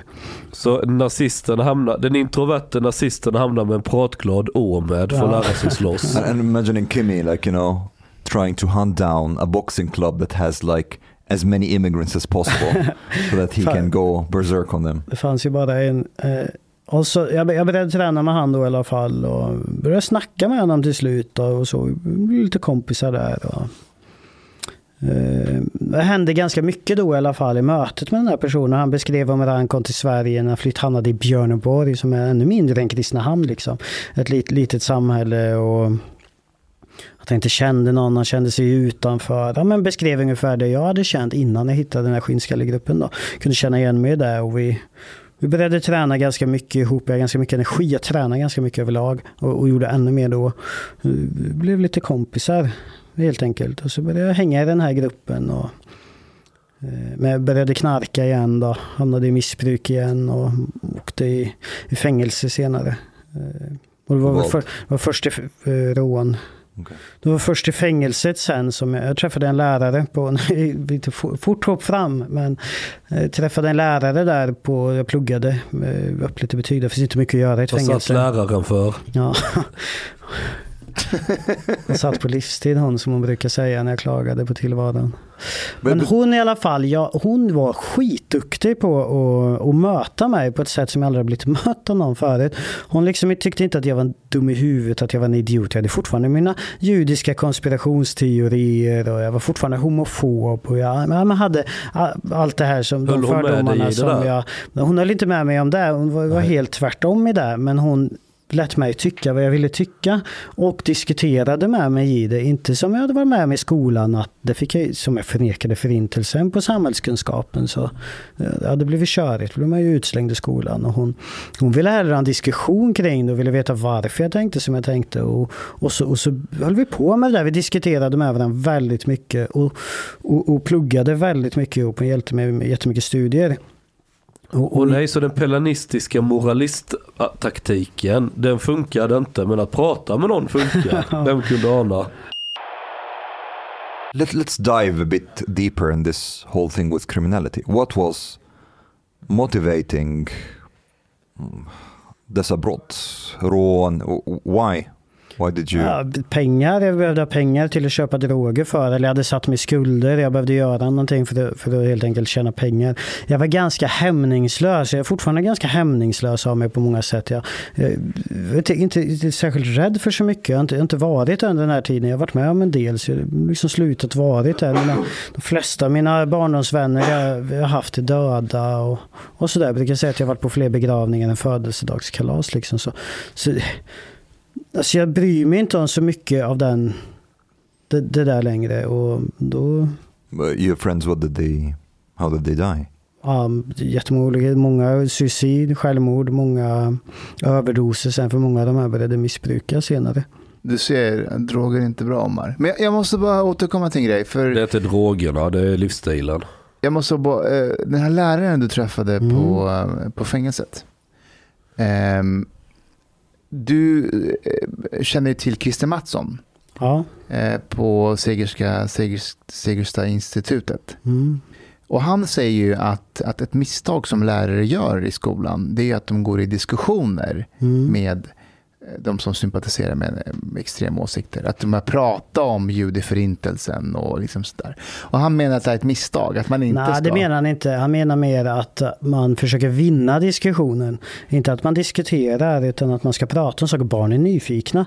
Barn måste få vara nyfikna. Man måste få undersöka och utreda själv. Man måste, måste få lov till det utan att tryckas ner förälder, utan att ha någon lärare som ska vinna diskussionen över en. Jag tror inte du skulle tjäna något på att vinna en diskussion över en tolvåring. Okej, han menar att man ska liksom knäcka den Men andra personen. prata och, och försöka prata med individen över, allmänt. Inte, inte trycka ner, inte håna, inte idiotförklara. Utan Alltså ha, inte mobba ha ett samtal om det.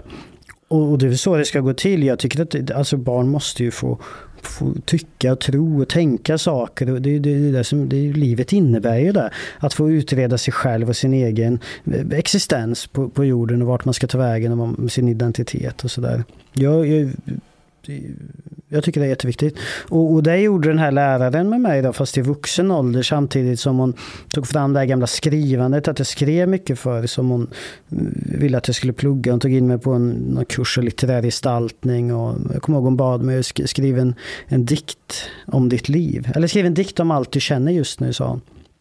Och jag hade inte skrivit sen, det var inte så, jag skrev inte dikter med skinnskallarna direkt. Det var ju inte så här, det blev man ju ingen poppis över. Så jag skrev en, en dikt där på fängelset, typ att jag ja, mycket hatade att vara i fängelse. Att jag ville ta livet av mig, hur mycket jag saknade min lilla syster, min mamma, hur mycket jag ville komma hem och eh, så här bygga snögubbar med lillsyrran. Det höll på att bli jul och sådär. Jag kände mig helt misslyckad. Och så men kändes lite bättre att skriva ner det där, få ur mig. Den här, det är det jag pratade om tidigare med känslor. Jag fick något sätt att kanalisera mina känslor på. Och det blev jätteviktigt för mig. Och, och jag tror att det är en stor del av det som egentligen räddade mig från mig själv egentligen. Hanif would have been ecstatic now. Men han och jag har pratat mycket om, om det där. Jag har beskrivit det för honom. Vi har Det kan jag tänka mig. Vi har pratat en hel del. Och, och för mig blev det jäkligt viktigt. Och nu, nu skriver jag inte så jättemycket längre, men i perioder jag mår dåligt och sådär, eller när saker händer, så kan jag börja skriva lite. Eller skriva i huvudet gör jag ofta, formulera så här någon slags poetisk skildring. Jag måste fråga dig, när du bestämde dig, hur, hur gick det till när du lämnade hela det här? Var det att var det liksom, du drog plåstret hela vägen ut eller var det liksom en långsam resa ut innan du lämnade? Alltså rent ideologiskt så tog det lång tid. Eh, alltså, det har ju pågått under de här åren som har varit nu också. Så här. Det är ju alltid en, man har alltid en kamp mot sina egna fördomar. Man är alltid en, eh, och, och så här, Så om vem man är och, och vad man tror och tycker. Nej, men det, det är lätt att svepas med i, när media skriver eller, eller, eller vad det än är. Och, och så, om man, så, man fastnar lätt i det. Och, och, men just med att lämna organisationen, då hörde jag av mig till organisationen och sa jag vill lämna organisationen. Eh, Och, och det var inget konstigt med det. Hur togs det emot? Ja, man tyckte väl att det var synd och att man, jag var typ bra på mitt jobb då ungefär. Eh, Att jag var välkommen tillbaka när jag ville, men det var inget allvarligare än så. Har du kontakt med någon idag? Ja, ja. Nej, inte nu. Jag har haft eh, lite kontakt med, med, med, den, med den snubbe som jag lärde känna då när jag var 12 år, den första Ja, personen. Han har jag haft lite kontakt med. han är fortfarande aktiv i... Ja, han, har grottat, han, han var på väg lite ur där ett tag. Jag åkte hem till honom varje julafton, hälsade på min morsa, så åkte jag förbi han tog en kopp kaffe och snackade lite. Men han, han kunde lita på och känna mig trygg att han inte lurar mig i någon, någonting. Men- Men du, eh, d- när du, när du har lämnat nu, du har ju inte lämnat som att hej nu lämnar jag och jag vill bara leva mitt liv. Du har ju faktiskt aktivt jobbat för att motverka att folk söker sig till de här miljöerna. Det är ju det du föreläser om. Ja. Hur har det mottagits av de gamla medlemmarna? Alltså ganska blandat. Jag gjorde någon tv-grej någon gång och då följde jag lite diskussioner på, jag tror det var på Nordfront. Man la ut någonting om det här på Nordfront. Och så följde jag kommentatorsfältet där. Det var väldigt spännande. Men det, det var en del då som jag inte kände igen så här, eller namn på så där som typ jävla förrädare. Ja men så här, han bara snackar skit. Det är det vanligaste. Han har aldrig varit med i rörelsen. Han, han är ingenting. Och, och, sam, och så såg jag att mina gamla vänner ändå försvarade mig på något vis. Typ. Det var någon som skrev, ja men det stämmer att han, var, han har gjort det han har sagt. Han var han var ganska högt uppsatt och ganska mycket med. Det är synd att han har tappat bort sig i mörkret ungefär. Ja men sådär. Eh, Så, Var det ett så- försvar? De ja, men något, något slags försvar av mig var ju det. Så här, jag har aldrig snackat skit om de här personerna som personer. Utan det jag ifrågasätter är den här gruppen, den, själva dynamiken i gruppen eller den miljön, den kontexten. Och då, då, eh, det, det är mest det jag ifrågasätter. Jag har aldrig, aldrig hängt ut någon individ eller, eller sådär. Det var ju mina vänner under lång tid. Jag tyckte jättemycket om dem och vi, vi var, de hjälpte mig med jättemycket saker. Och, och, och sådär. Jag har ingenting emot dem som individer och det kommer jag aldrig att ha. Eh, Får jag fråga dig, finns det någon under den här resan som har ifrågasatt dig att eh, har du verkligen lämnat? Och, Nej, inte direkt. Jag vet att det kan bli så ibland. Det var ett sånt tillfälle för ett tag sedan faktiskt. Då var det när, var det Daniel Ståhl eller någonting, när han hade kallat sig för en svensk viking eller något sånt där. Och så var det lite diskussioner om det här. Och så gjorde jag någon Instagram-grej, en händelse sådär. Och så skrev jag typ en bild på han och så spelade jag någon låt, typ till Gärdestad om jag var en viking. Och sen skrev jag för alla andra var så snälla under 800-talet. För det var någon, någon sån här artikel man hade skrivit om vikingarna. De våld våldförde sig på människor och sådär. Det gjorde ju alla. Och det var mest det jag ville, ville skriva i den. Och då var det någon, en, en person där som inte direkt känner mig, men någon är med i, i familjen så här, blivit tillsammans med, med någon så.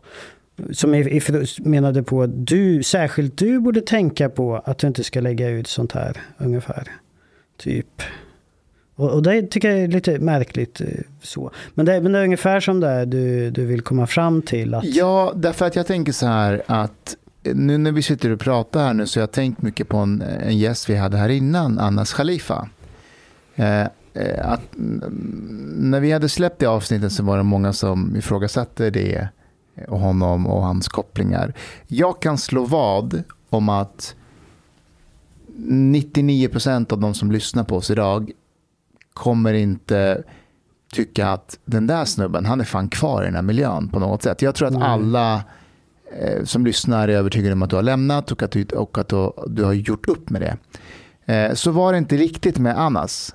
Eh, och, och då, jag tänkte egentligen fråga er två, vad tror ni att, va, varför, varför, varför tror ni att Kimi låter mer trovärdig jämfört med han? We, we had, you and I had a conversation one time about this. I don't know if you remember.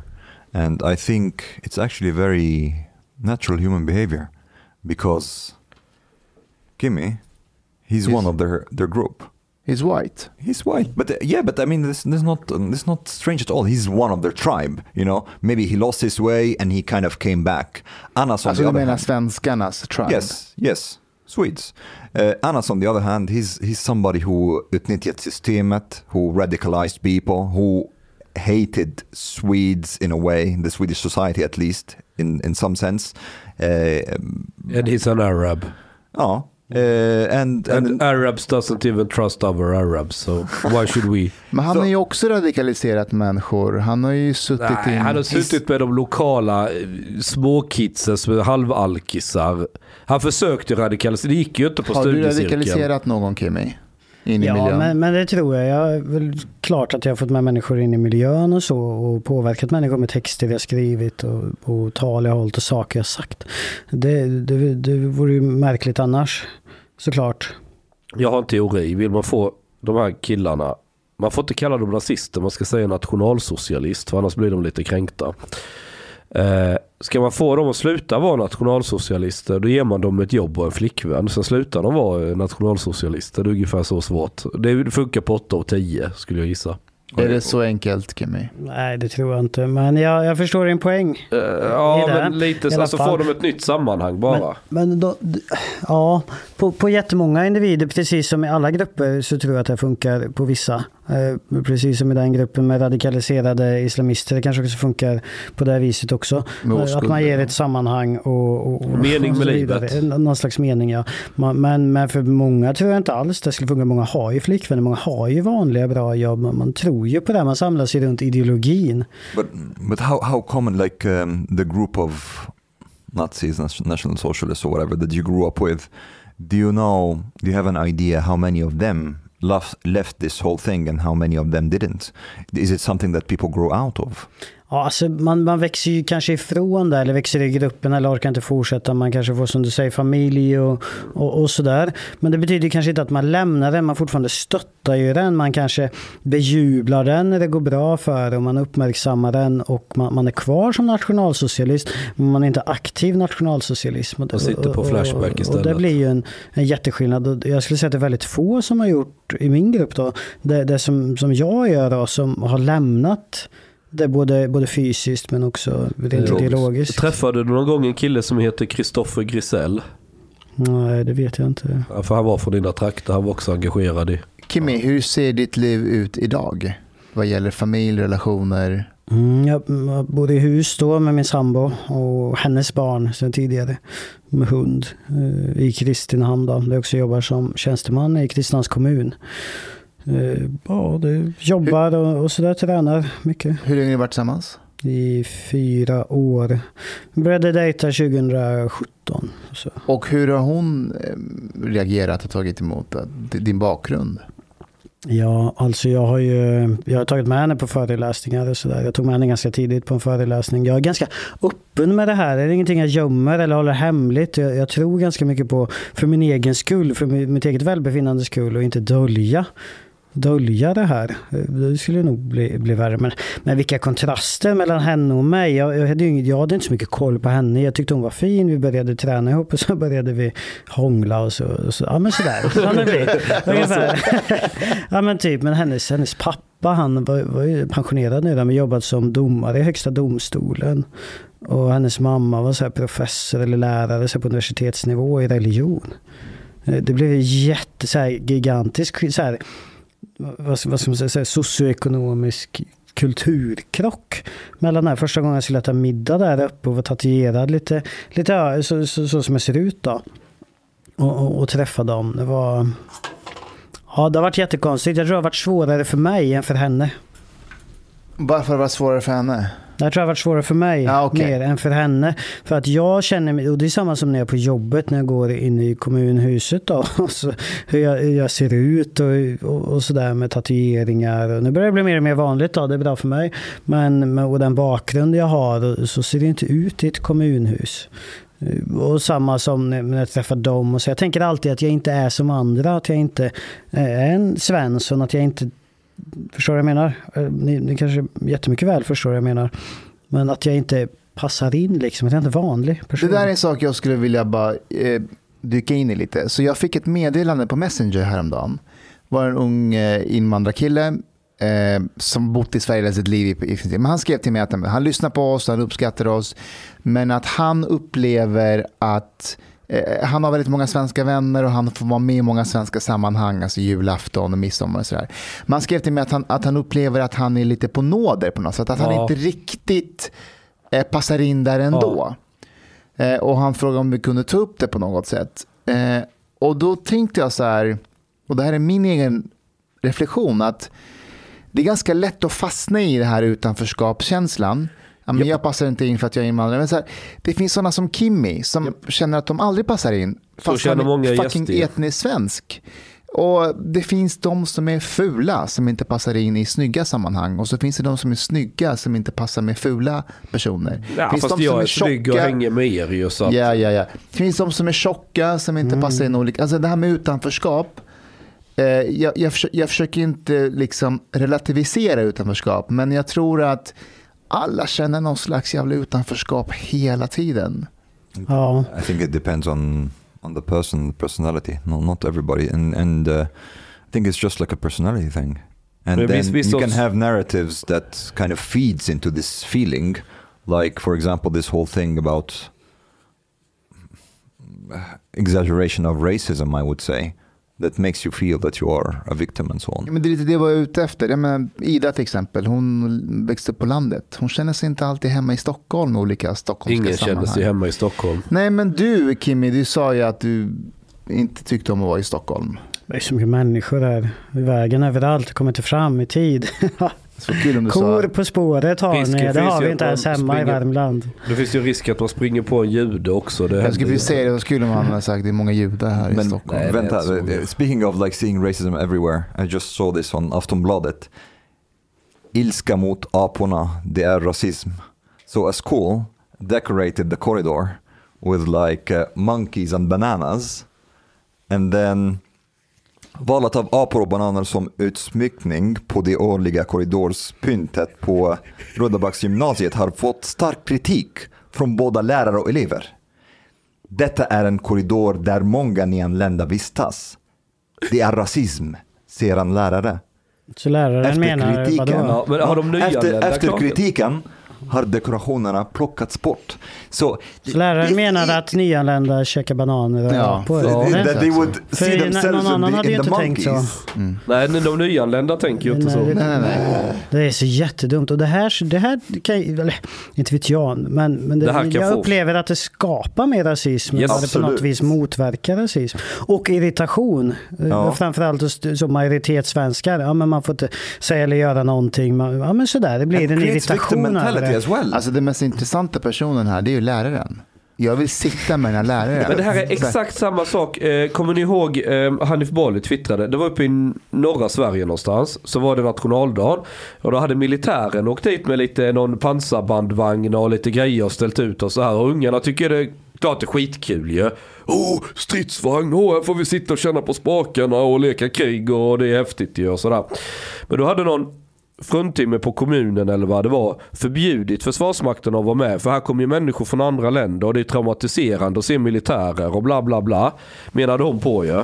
För att hon har sin sinnebild av de här människorna. Den här homogena invandrargruppen. Eh, precis. Och då hade Hanif Bali twittrat att nej, det är inte ett problem för att invandrarna tycker det är jobbigt att möta svensk militär. Utan för att den kommunala batikhäxan tror att det är så. Han hade ju helt rätt där ju.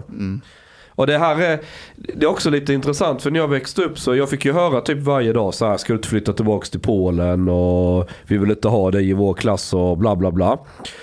Och sen träffade jag folk som då, och nu snackar vi långt innan riksdagen, alltså då när SD fortfarande hade folk i leden som eh, hade tennisarmbåge om jag uttrycker mig så. Du vet, skulle Mm. heila. Ja. Ja. Och då träffade jag folk då som hängde med SD, hade de här klistermärken och allting och sådär. Men de var ju mer utmobbade än vad jag var. Så jag tyckte ju aldrig illa om dem. Man blev lite kompis trots att jag liksom alltid... Man jag, håller sig till de utstötta på något vis. Eh, Ja, de var ju utstötta precis som mig. Men sen, jag höll ju inte med om idéerna. Liksom, ni är för galna, men skit i det. Vi kan vara kompisar ändå. Och även än idag, för jag, jag, jag får kritik ibland. Så här Jonathan Lehmann på Expo eller någon kan vara på mig. Varför markerar du inte hårdare mot nazisterna? Men det, det tar emot på något sätt för just det här, den här idiotin som Omar läste upp och andra sådana här grejer. Det gör att jag kan förstå varför en del går hela vägen och blir helt radikala, går bananas och kanske i smyg sympatiserar med, jag vet inte, någon nassorganisation. Inte för att jag håller med om det. Men vem är jag att stå och anklaga dem när samhället i övrigt är så jävla sinnessjukt som det är? Det blir, jag, kan liksom inte, det är, förstår du hur jag menar Nej, jag, jag, jag fattar, jag fattar. Men du, när jag läste den här En alldeles svensk historia. Ja. ehm, fler borde läsa den. Eh, För, för, för det första måste jag säga att jag lärde mig Vilken väldigt... bok är det? Kajsa... Ja, den om, om mig ja. Ja. ja. jag tyckte, om kände jag titeln. Ja, för det första är det en väldigt bra bok som jag lärde mig väldigt mycket om svensk historia. För att hon inleder ju varje kapitel med att berätta, om gamla kungarna. Ja, för jag, jag trodde först det var titel på en annan bok. Men Ja. okej, ja. Eh, men, men Chang, vilket sammanhang känner du dig hemma i? Inget. Alltså jag, jag skapar mitt eget. jag skapar mina egna sammanhang. Jag, är aldrig så, jag är inte en person som... Söker dig till sammanhang? Nej, jag skapar mina egna. Även idag. Men det här sammanhanget, när du är med oss, Ja. känner du att du kan slappna av? Jag är bara mig själv. Jag är rätt så... Jo, jag vet, men, men, men när du är med andra människor, journalister, eller, eller om, så här, om du är i PK-klubben, eh, eller, eller om du är där och, och pratar och lyssnar, är du avslappnad där helt och hållet? I, nej, kanske aldrig helt och hållet. För att vem som helst kan ju när som helst gå på dig. Ja, men så, om jag säger så här, hade vi backat några år, då var jag jävligt mycket på helspänn. Det var ju i nästan alla situationer. För det var så här, jag hade ju alltid haft intresse av liksom, teater hade jag väldigt tidigt. Och sen så gled jag över på att göra kortfilm och så här skriva manus. Det var så jag hittade Jakob Bergman som ansvarig utgivare på Nyheter Idag. Det var Voodoo-film, så här nördigt forum för folk som vill göra film. Och så var det någon grej, vi skulle göra någon livesändning av någonting ganska oskyldigt. Och så mejlade jag något företag som kunde göra sånt här med, till rätt budget. Och då får jag till svar att, eh, då hade de kollat vem jag var. Vi samarbetar inte med rasister. Och bara så här. Så jag var så van att, det kunde vara helt vardagliga saker. Så var jag så van att folk alltid hatade mig. Så jag, jag liksom, det blev en del att, klev jag in på Publicistklubben, klev jag in någonstans, då visste jag att ja, folk här inne hatar mig rätt, rätt upp och ner. Och de vet inte riktigt varför de hatar mig. För det är inte så att det är något, de kan pinpointa någonting jag sagt eller gjort. Men jag hade varit med i SD, det räckte. Mm. Så, men det, det, vad som har hänt är att Innan jag gick med i SD drev jag eget företag. Jag är van att liksom leda folk lite. Så nu gör vi ett projekt, nu, nu gör vi det här och bara se till. Det händer ju alltid saker runt mig. Så jag har väl aldrig riktigt, hur ska, hur ska jag säga? Det är aldrig så att jag riktigt har gått och mått dåligt över det. För jag har alltid hittat sätt att slå tillbaka. Och då blir det roligt, det blir sport, jag gör tävling och saker. Det blir, det blir så jag hanterat Mm. det. Kim, jag måste fråga en sak. Ja. Ehm, det är kanske är en känslig fråga, men, Mm. men ehm, jag tänkte när du pratar om kommunhuset, att du inte känner dig hemma där, att du sticker ut liksom på något sätt, lite ut, utanför. Ehm, Mm. och så tänkte jag på den här meddelandet jag fick av den här killen som säger att han är lite på nåder överallt. Känner du att du är lite på nåder? Eh, Och jag tänker typ hemma med din, med din flickvän vars pappa har varit eh, högsta domstolen domare och mamma har varit religions... Att liksom, det är en väldigt så här, fin miljö och fin familj. Känner du att så här, fan förtjänar jag det här och jag kan bli utkickad? Nej, det gör jag inte. Jag känner mig inte, inte på det i kommunhuset heller. jag känner mig inte som något offer på något vis. Utan jag har ju gjort handlingar jag har gjort som, har tagit, som, har, som, ja, som jag har dömts för och, och som, som kommer vara med mig hela mitt liv. Jag accepterar det och respekterar att människor tänker så också. Jag har ändå fått ganska bra chanser och, och sådär och kommit in bra. Så, så det är ingen, ingen slags offerkänsla jag känner över utan det är bara ett konstaterande att ja men undrar vad de tänker om mig när jag kommer här. Jag kommer ihåg, jag kom, jag, jag kom ner och skulle hämta kaffe eh, en gång och så satt några och fikade och så pratade de om eh, hur hemskt det är med tatueringar och sådär. Människor tatuerar sig i ansiktet och på halsen och så gick jag, gick jag förbi det och så sa jag till dem att ja, absolut jag håller med, det är det värsta som finns, människor som tatuerar sig på händerna. Eh, och så gick jag därifrån. Så jag är ganska okej med det ändå på något vis. Jag kan att skämta du har ju tatueringar i hela armen och så du Ja, en stjärna i, i Jag halsen. jag det var kul att säga så. Så jag, jag kan köra lite med dem också. Jag, men, men det kan vara det här att jag känner mig inte alltid hemma och inte alltid vanlig. Men det är okej för mig. Ja, det, det är inget konstigt att det är så. Jag har ju själv satt mig i de situationer jag har hamnat i. Jag har fått jättemycket hjälp att hamna där i och min uppväxt givetvis och min, min familj och, och diverse händelser och så. Men, men någonstans ska man också, det är väldigt mycket, det är väldigt lätt att bli offer idag. Någonstans behöver man också ta ansvar för sina handlingar. Någonstans behöver man, det är väldigt, väldigt lätt hela tiden. Det är väldigt mycket curling överlag i, i, i Sverige och, och det köper inte jag riktigt. Jag har gjort fel, jag har begått brott, jag ska stigmatiseras, jag ska självklart få en chans ut ur det. Men det, det, det ska också vara tydligt att jag har gjort fel någonstans. Gör man det så ska, ska det vara det. Om, om min bonusdotter hemma ljuger för mig, ja men då får den en konsekvens för det. Behaviorism, jag tycker det är det, är det enda som funkar på riktigt tycker jag. All annan pedagogik, jag tror inte på den. Jag tror att och det tror jag har blivit lite väldigt, alla, alla är ju offer, alla är kränkta över olika saker. En, en elev blir kränkt om en lärare säger åt henne att sitta still eller vara tyst under lektionen. Och, och jag tror att det speglar samhället väldigt mycket. Hej på dig, min vän. Lyssna på mig nu. Du är mycket fin människa. Du har betalat biljett på klubb Gista-måltid. En mycket fin radioprogram i Sverige. Tag vare deiso ardiet moilikt for grabarna at trzopa kafe late ute potoriet. Betalar kningar. Chopa blut pudding til familien. Oka tunnelbana. Elerdrika en kal norland zgult poute serviering, ibland. Dit bidrak jor grabarna miket glada. Dit stot jorzista moltit moilik, helt enkelt. Tak, minwen.